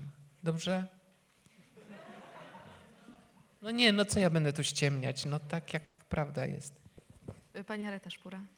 Znaczy ja na co dzień zajmuję się promowaniem tych idei, no więc je wdrażam jak najbardziej, ale też e, no, jestem tylko ja człowiekiem, więc wiadomo, że zdarza mi się podjechać taksówką, czy, czy nie wiem, rozterka typu jest wielka porcja jedzenia, a restauracja nie ma przy sobie swojego słoika i restauracja ma plastikowe opakowania na wynos, no i po prostu co mam zrobić, czy użyć plastika, ale czy zmarnować jedzenie, co też nie jest dobre, tak? Ale też jakby w tym wszystkim także biorę głęboki oddech i zdaję sobie sprawę, że tak czy jak robię dużo i to nie jest kwestia, żebym potem przez tydzień po prostu się biczowała i była na siebie zła, tylko no uczyła się i to są wszystko te przyzwy- przyzwyczajenia, które mieliśmy przez lata.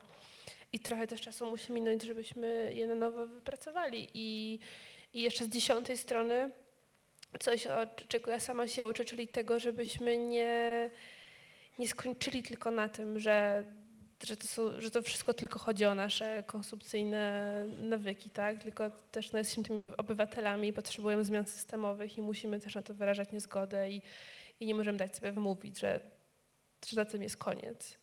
Więc, więc tak. Łona. Ja, ja przyznam ci się, że mam duży samochód z si- silnikiem diesla i jem mięso. I nie jestem wcale dumny z tego powodu. Yy, Pierwszym argumentem przemawiającym przeciwko jedzeniu mięsa jest to, co ostatnio yy, do mnie dotarło, czyli masowość produkcji mięsa i masowość tej hodowli. I rzeczywiście z kosmicznego punktu widzenia to jest, mówiąc łagodnie, nierozsądne, żeby wyżywić całą ludzkość mięsem hodowanym w taki sposób. To jest po prostu zabójcze dla tej planety. Y, ale ja to mówię wciąż jedząc mięso i zdaję sobie sprawę z tego, że cała praca jest przede mną i wiem też, że y, przestawienie się na, na tryb pomagania y, tej planecie wymaga od nas nie leciuteńkiej zmiany przyzwyczajeń, tylko po prostu przejścia na tryb zgoła wojenny, na obcięciu o 70% wszystkich naszych y, przyzwyczajeń do przyjemności. Zdaję sobie z tego sprawę. I A może po prostu bardziej naturalny? Bo no wojenny też się dobrze nie kojarzy. Ja się obawiam jednego. Jestem zbyt słabym człowiekiem, mam słabą, silną wolę. I dopóki moja gmina, miasto Szczecin, nie zabroni mi wjeżdżania samochodem do miasta, to pewnie będę to robił. Y, y, Imponują mi takie osoby jak Greta Thunberg. Bardzo. Ym, Bo one w sobie mają tę siłę. Ja obawiam się, że, że mogę mieć kłopot z wykrzesaniem jej i życzyłbym sobie chyba, żeby państwo trochę mi pomogło państwo albo samorządy w zmienianiu tych nawyków. E, I nie miałbym nic przeciwko temu, żeby, żeby wjazd do centrum mojego miasta był nieco bardziej kosztowny niż teraz. Mm, Oraz nie miałbym nic przeciwko innym instytucjom wprowadzonym po to, żeby, żeby, żeby chronić miejsce, w którym żyję przede mną samym. Ja pozwolę sobie też odpowiedzieć na to pytanie. Ja oczywiście używam torebek wielorazowych, co jest bardzo łatwe. Samochód mam, przyznaję się, ale jeżdżę nim tylko jeśli muszę wyjechać e, poza Warszawę albo pilnie zawieźć dzieci do lekarza e, i mięsa nie jem. E, A tutaj chciałam nawiązać do tego, co powiedział Adam e, a propos mm, roli państwa i wpływu państwa na nasze zachowania konsumenckie, bo my jesteśmy tutaj na tej sali pewnie wszyscy bardzo świadomi e, i pozwolę sobie założyć, że nas pewnie również w większości stać na to, żeby dokonywać wyborów e, właściwych ze względu na planetę, ale prawda jest taka, że wielu innych konsumentów, nawet mając tę świadomość, że nie powinni jeść mięsa, że powinni prawdopodobnie zrezygnować też z nabiału, bo jednak hodowla przemysłowa e, mięsa to jest to samo, co hodowla przemysłowa te, tych samych zwierząt na nabiał, więc właściwie rezygnacja powinna być z jednego i z drugiego. Ale taki konsument, jak stoi w sklepie i widzi mleko i widzi mleko roślinne, które jest droższe trzy razy, e, i widzi torebki, i widzi torebki biodegradowalne, które są droższe trzy razy, i widzi x innych produktów, które w wersji eko są trzy razy droższe, po prostu z konieczności wybierze ten produkt tańszy, nawet zdając sobie sprawę, że nie powinien tego robić. I moim zdaniem, póki tu nie będzie jakiejś systemowej interwencji, to może się niewiele zmienić. Ja się nie zgodzę. Znaczy zgodzę się i nie zgodzę, ale, ale właśnie nie dajmy sobie wmówić i nas nie nakręcajmy się na to, że życie eko jest droższe, bo my nie musimy kupować wszystkiego z certyfikatem eko. Nie kupowanie wody w plastikowych butelkach jest tańsze niż No, kupowanie. oczywiście tak. Tak, nie kupowanie słomek jest tańsze, bo ich nie kupujemy. Też w tym wszystkim chodzi o ograniczenie konsumpcji, ograniczenie kupowania ciuchów. No, kupowanie, jeżeli już kupujemy, ale kupujemy coś w lumpeksie, jest to tańsze niż pójście do sklepu. Jeżeli wymieniamy się ze znajomymi ubraniami, nie płacimy za to. Bardzo duża część tych rzeczy, no, prze- przejście na komunikację miejską, jeżeli tylko możemy, czy ograniczenie używania auta, to też są, jest, jest cięcie kosztów naszych domowych. E, No torebki są płatne, więc używanie naszych jest też tańsze niż plastikowych. Tu jest tylko taki absurd, który pozwolę sobie zauważyć, że w Warszawie e, mandat za jazdę komunikacją miejską bez biletu jest chyba trzykrotnie wyższy niż mandat za parkowanie bez bilecika park- parkingowego. Tak.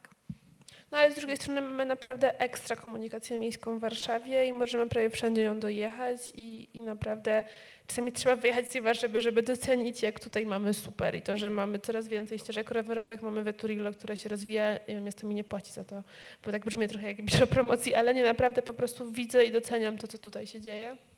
E, I też, że bardzo często, nie wiem, w przypadku, że po pierwsze, że najbardziej ekologiczne jest to, co już mamy i to jest taka propos różnych ekosłomek, kubeczków, pojemników. Nie musimy tego wszystkiego mieć. Możemy używać tych pojemników, które już mamy, tych termosów, które już mamy. Nie musimy mieć wszystkiego z najnowszej kolekcji. A, a bardzo łatwo, ja sama dałam się w co- takie rzeczy nakręcić, po prostu kupowanie kurtek z, nie wiem, z, czegoś z recyklingu, chociaż miałam już kurtkę. Coś jeszcze chciałam powiedzieć. A, że, że em, jak my widzimy nawet tą koszulkę w sieciówce, no to nie zastanawiamy się, tak, dlaczego ona jest taka tania. Czy na przykład widzimy dział ze zdrową żywnością, no czy to znaczy, że cała żywność w sklepie jest niezdrowa? Y, Że, że musimy zadać sobie pytanie w drugą stronę, dlaczego ta koszulka, która jest powiedzmy wyprodukowana, czy czekolada, o może to jest lepszy przykład, która jest wyprodukowana w fair warunkach, czy kawa, kosztuje dwa razy drożej. Może ona właśnie tyle powinna kosztować, żebyśmy my jedli to rzadziej, ale rzeczywiście, żebyśmy byli w stanie kupić to, to co zostało wyprodukowane w dobrych, fair warunkach, zarówno dla przyrody, jak i dla ludzi i dla nas wszystkich, że to może po prostu, tak jak mówiliśmy, że zużywamy ponad dwie planety, że po prostu żyjemy ponad miarę i musimy się samo ograniczać, żeby dla wszystkich starczyło. Drodzy Państwo, mamy czas na jeszcze jedno ostatnie pytanie i to jest strasznie teraz trudny wybór, ale wydaje mi się, że pierwsza się zgłaszała tam pani, która już trzyma w ręku mikrofon, także poproszę.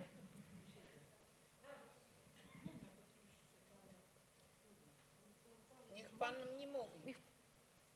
Proszę.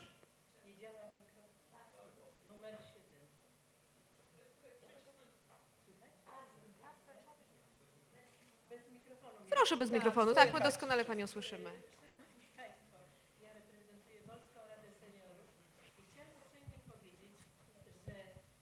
Przede wszystkim bardzo Państwu dziękuję za wszystkim. Jedyna Pani Grażyna jest jakoś rozpoznawalna dla mnie. To bardzo serdecznie dziękuję za to, co robicie. Rzeczywiście y,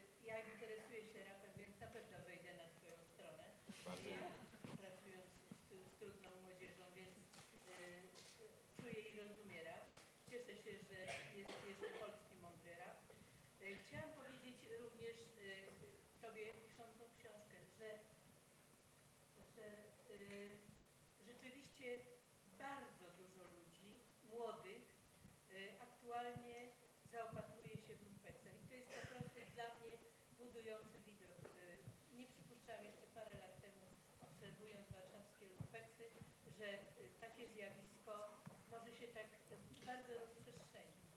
Y, a jeżeli chodzi o panią Grażynę, y, bo każdy robi w swojej, jak gdyby w innej, do innej grupy docelowej dociera, to chciałam pani powiedzieć, że mogę podpowiedzieć może na czwartek. Dobra. Także jesteśmy umówione bardzo Kochani, róbcie to dalej. Jesteście naprawdę świetną grupą, y, która, y, tak jak ta przysłowiowa kropelka drąży skałę. Każdy w swojej dziedzinie, w swoim zakresie y, jednak powoduje, że nasze myślenie jest nieco inne. Ja dwadzieścia parę lat temu pisałam pracę podyplomową na temat ekologii i pracy takiej kreatywnej w szkole z, z dziećmi. E, I okazało się, że wtedy pukano się w głowę i patrzono na mnie na, jak na wariatkę, bo ja segregowałam po prostu te śmiecie. Ale teraz jak obserwuję tą młodzież, która jest teraz e, 30-letnia, mam ogromną satysfakcję, bo oni wszyscy gdzieś e, działają tak jak wy. Także jeszcze raz wielkie brawa dla was i dziękuję w imieniu wszystkich. Dla pani też wielkie brawa. Myślę, że to było wspaniałe podsumowanie naszego dzisiejszego panelu. Bardzo Państwu dziękuję za udział. Pani Grażyna Woszczak.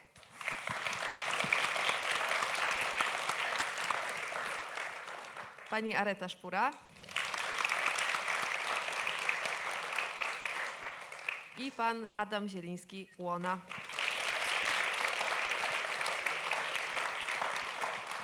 Ja również bardzo dziękuję wszystkim Państwu i zapraszam do udziału w pozostałych panelach w ramach e, trzeciego Kongresu Praw Obywatelskich. Dziękuję bardzo.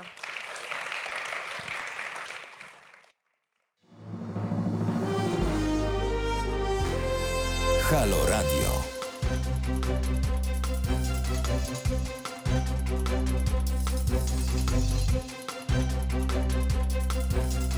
Thank We'll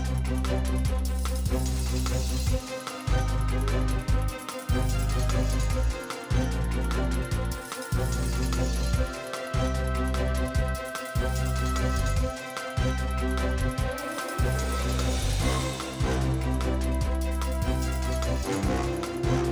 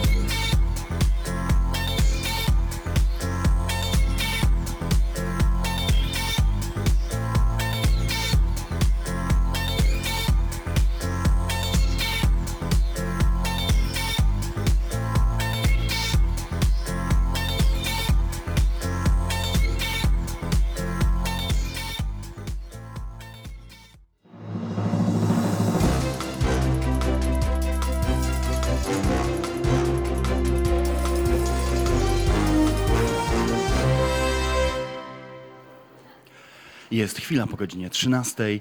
My w Halo Radio dzisiaj nadajemy specjalny program na żywo z trzeciego Kongresu Praw Obywatelskich z Warszawskiego Muzeum Historii Żydów Polskich Polin.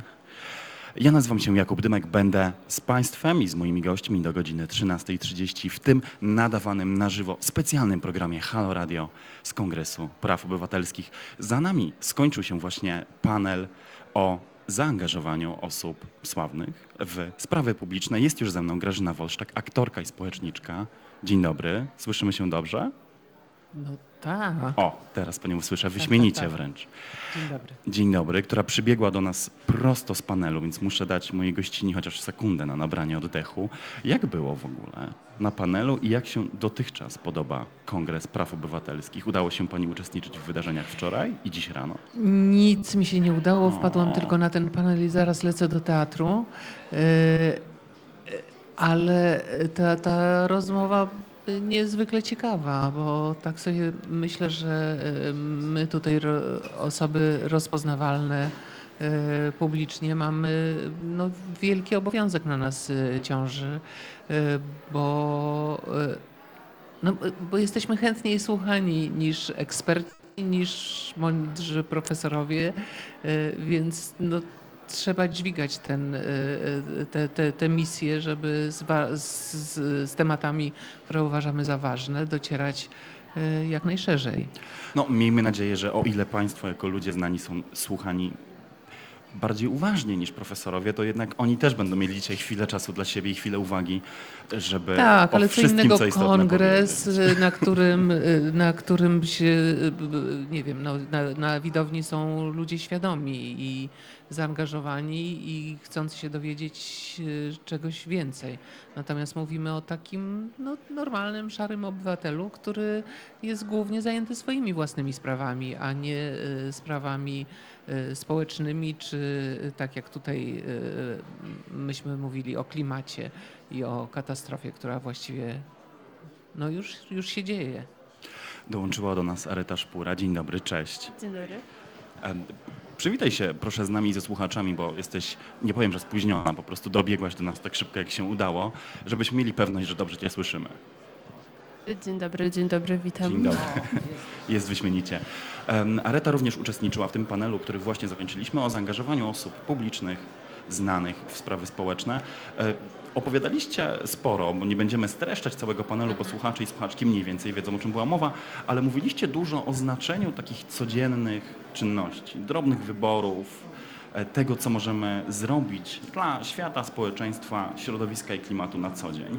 Więc ja się od razu przed Wami odkryję. Ja jestem sceptykiem. Jestem oczywiście nie sceptykiem klimatycznym, ale jestem osobą, która jest skłonna dużo bardziej wierzyć w działanie wielkich procesów społecznych, ustawodawstwa, regulacji międzynarodowych instytucji, a z dużą większą trudnością przychodzi mi wiara w e, tak zwaną magię codzienności. I tutaj od razu oddaję mikrofon Arecie, która mam nadzieję wystąpi w roli tej, która będzie próbowała mój opór przełamać i przekonać mnie do tego, że się mylę. Tak, jak najbardziej jedno nie wyklucza drugiego, bo my zawsze myślimy tak albo, albo. Nie, to muszą być obydwie rzeczy, tylko po prostu te małe, codzienne rzeczy dotyczą każdego z nas e, i to już jest duży plus, bo właśnie to poczucie braku sprawczości jest czymś, co no, jest wiel...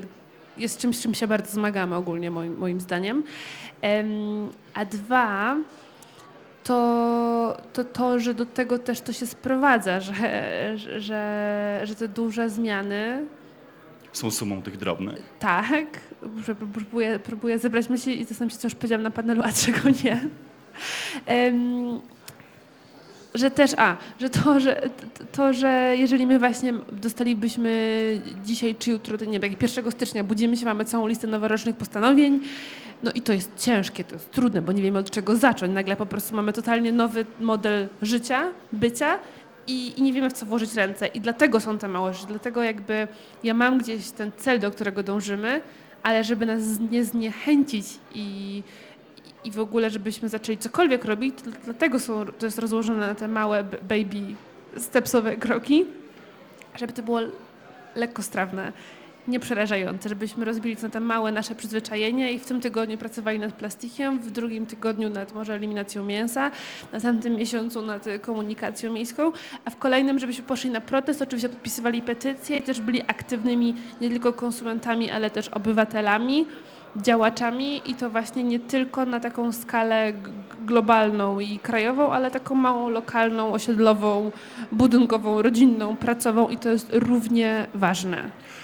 No ale żeby tak, żeby y, do, dojść do tego, o czym ty mówisz, to, to przede wszystkim trzeba by, by, by poszerzać swoją świadomość, prawda? Bo, bo jeżeli y, dowiemy się, y, jak y, są traktowane zwierzęta y, w hodowlach przemysłowych, ile y, te hodowle przemysłowe zużywają wody, y, y, w ogóle energii i jak zanieczyszczają bardzo nasze środowisko, no to no to to ma też taki wpływ na to, czy my tego kotleta zjemy chętniej, czy mniej chętnie. Tak, jak najbardziej, tylko właśnie czasami właśnie słyszymy coś w mediach, że coś się dzieje, nie wiem, jest pożar w Amazonii, no ale co mamy z tym zrobić?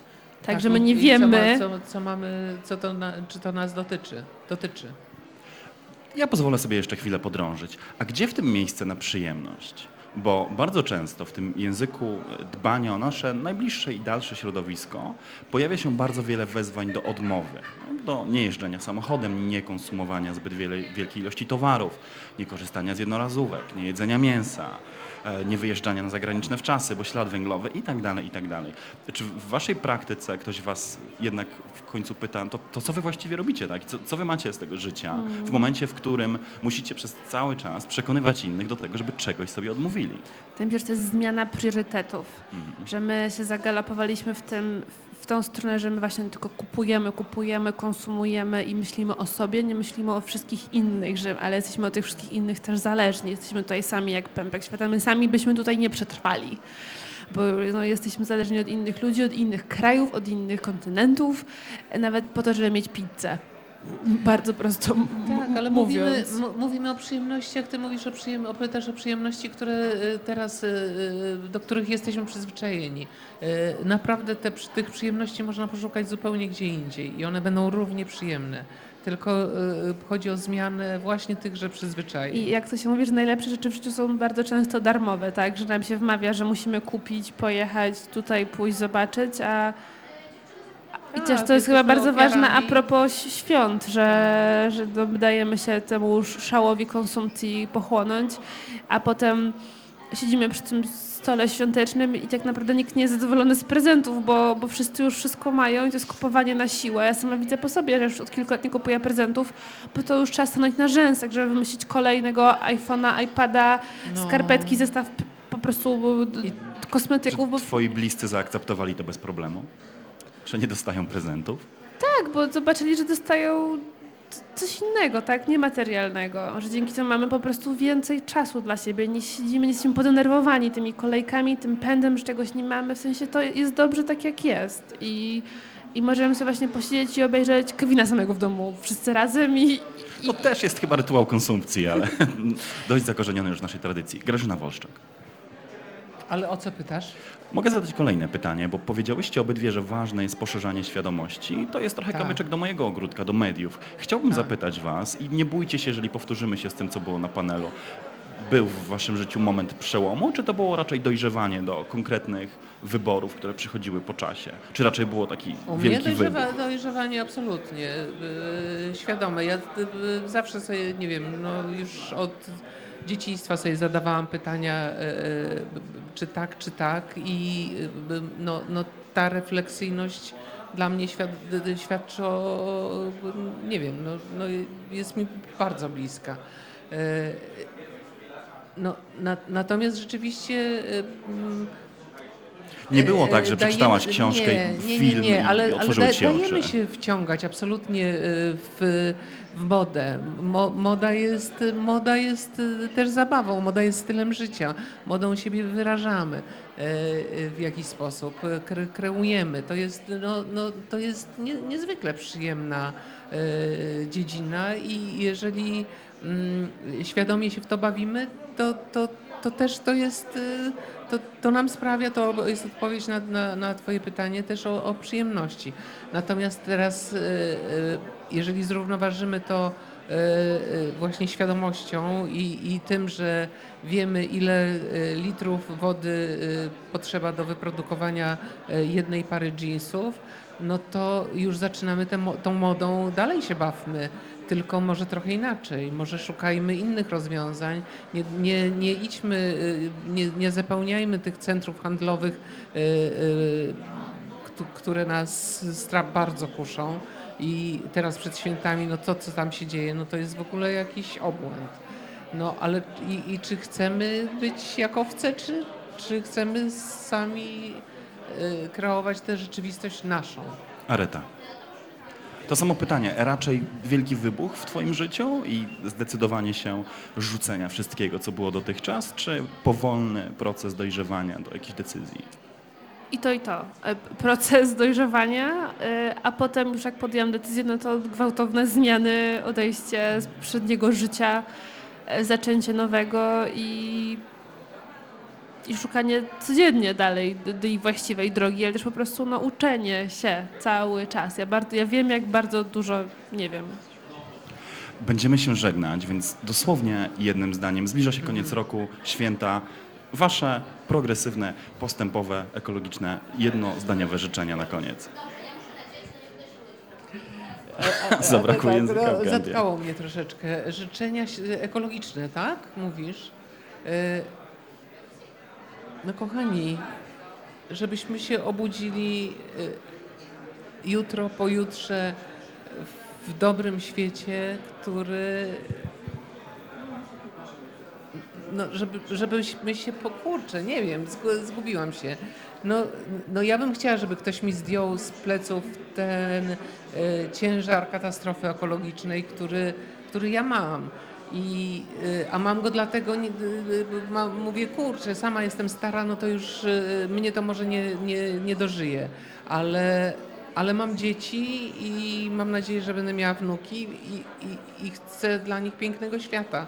A to jest daleko, więc ja Wam życzę pięknego świata, no, Areta. Perspektywie przynajmniej. Tak, bez zmiany perspektywy, zmiany systemu wartości, zadania sobie po prostu takiego pytania, co jest dla mnie ważne, co powoduje, że jestem szczęśliwy, szczęśliwa i, i to raczej nie będą rzeczy i więcej pracy.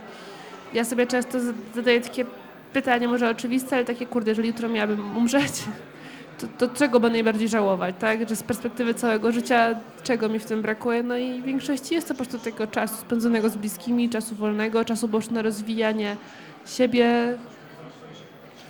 To były życzenia noworoczno-świąteczne od Grażyny Wolszczak Dziękuję bardzo, muszę lecieć. i Arety Szpury. Dziękujemy, że byliście z nami. Pa.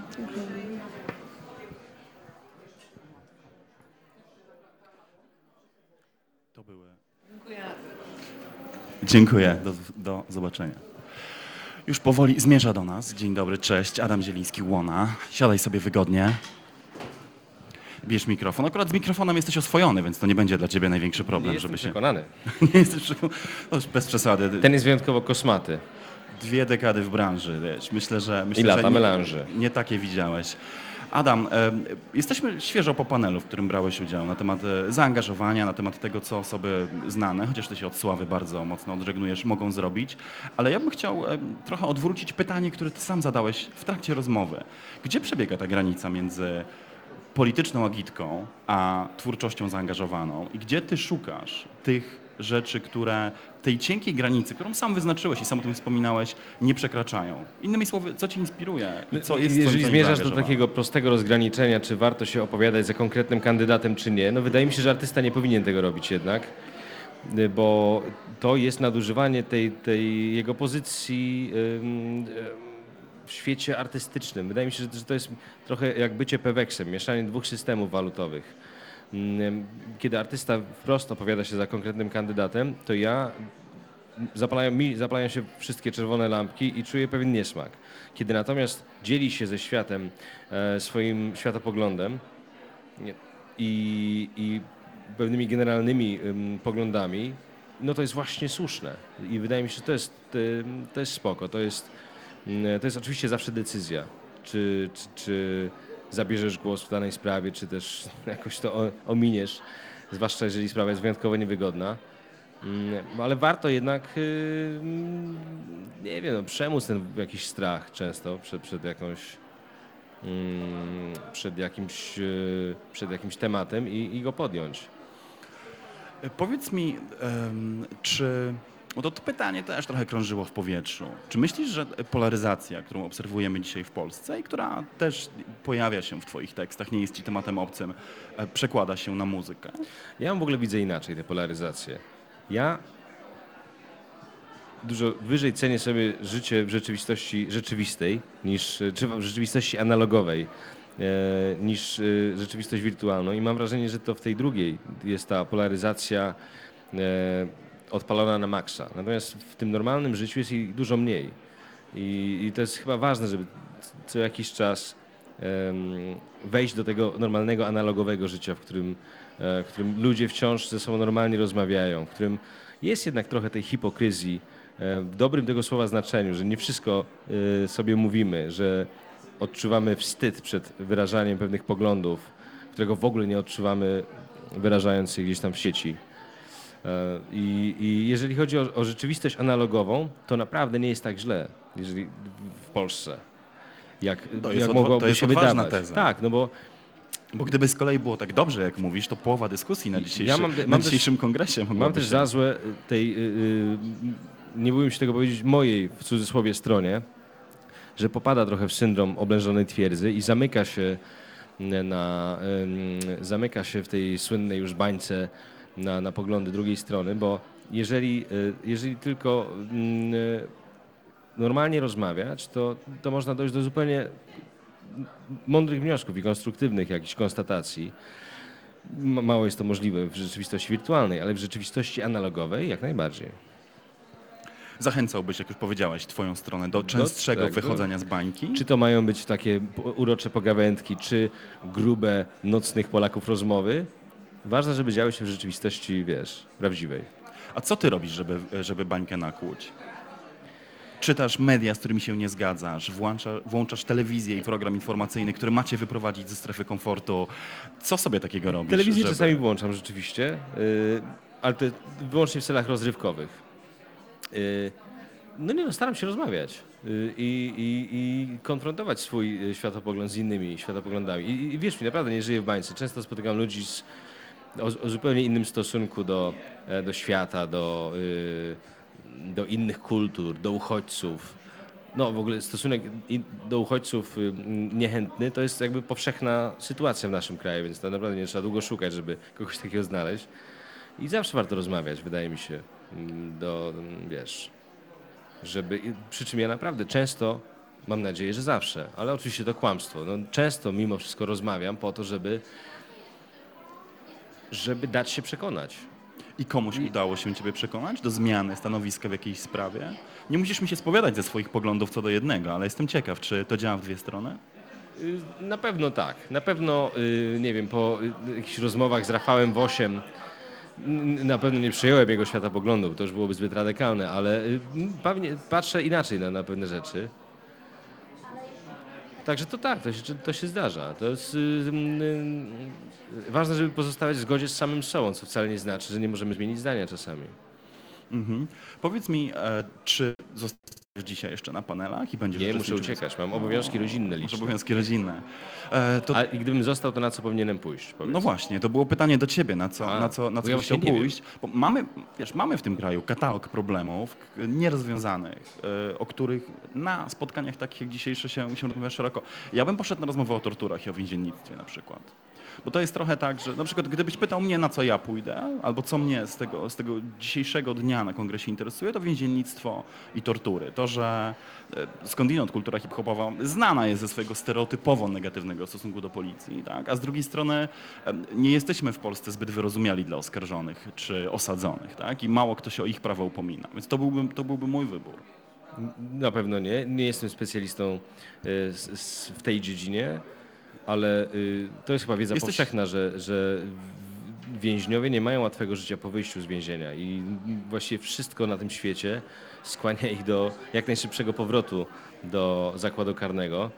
E, I, i, I tyle wiem. I wiem też, że, że bardzo mało z tym się robi. E, Ty jesteś prawnikiem z wykształcenia i zawodu. Czy ludzie nagabują cię o zabieranie głosu w sprawach e, sporu o praworządność?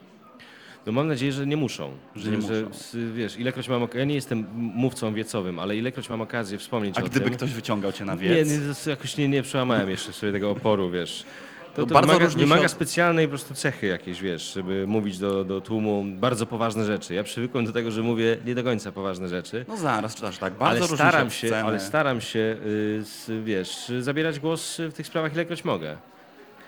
Bo uważam, że to jest jedna z najgorszych rzeczy, które dzieją się w naszej ojczyźnie. To niszczenie mm, y, systemu prawnego, szacunku dla prawa, dla, dla wyroków sądowych, dla, mm, dla ustaw.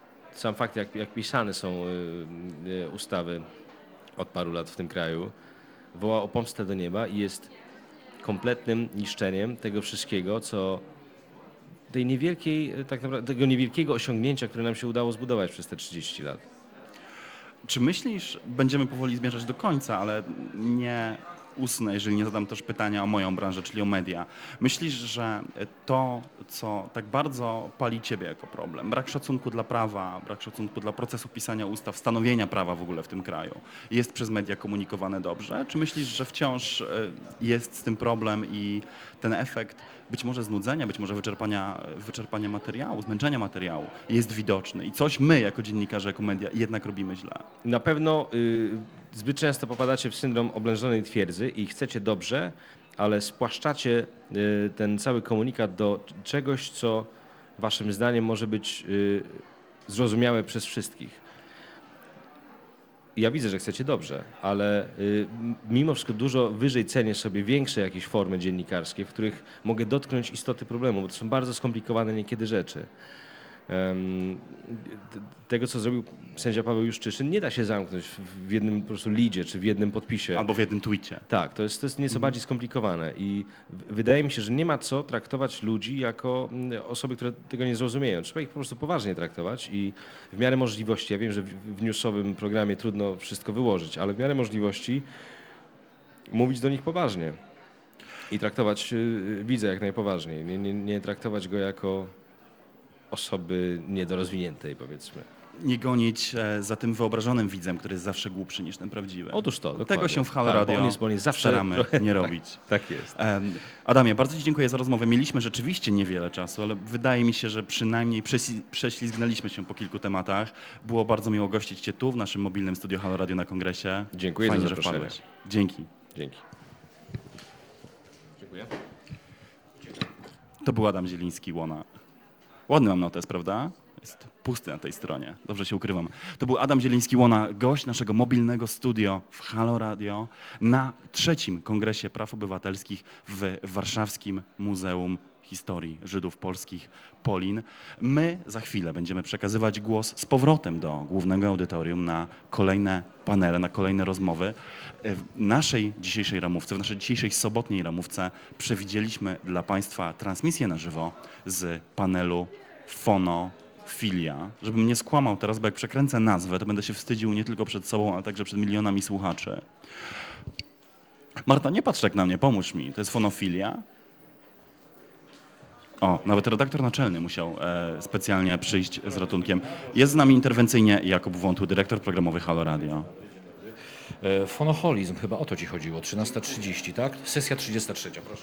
Dziękuję. Widzicie Państwo, potrzebowaliśmy interwencji samego ojca dyrektora programowego Halo Radio, Kuby Wątłego, e, w zapowiedzeniu warsztatu z, głównego, z głównej sali konferencyjnej A dla młodzieży Fonoholizm, który będziemy dla Państwa na żywo transmitować na antenie Halo Radio z naszego mobilnego studia na trzecim Kongresie Praw Obywatelskich w Muzeum Historii Żydów Polskich Polin w Warszawie. Ja z Państwem powoli się żegnam. Nazywam się Jakub Dymek. Miałem wielką przyjemność prowadzić tę krótką, choć jakże dynamiczną rozmowę z moimi gościniami Aretą Szpurą i Grażyną Wolszczak w pierwszej części tego programu i z Adamem Zielińskim Łoną w drugiej. My wracamy do Was z transmisją na żywo o godzinie 15, gdzie tu na tym fotelu moje miejsce zajmie Karolina Rogaska. Zostańcie z nami, zostańcie z Kongresem Praw Obywatelskich.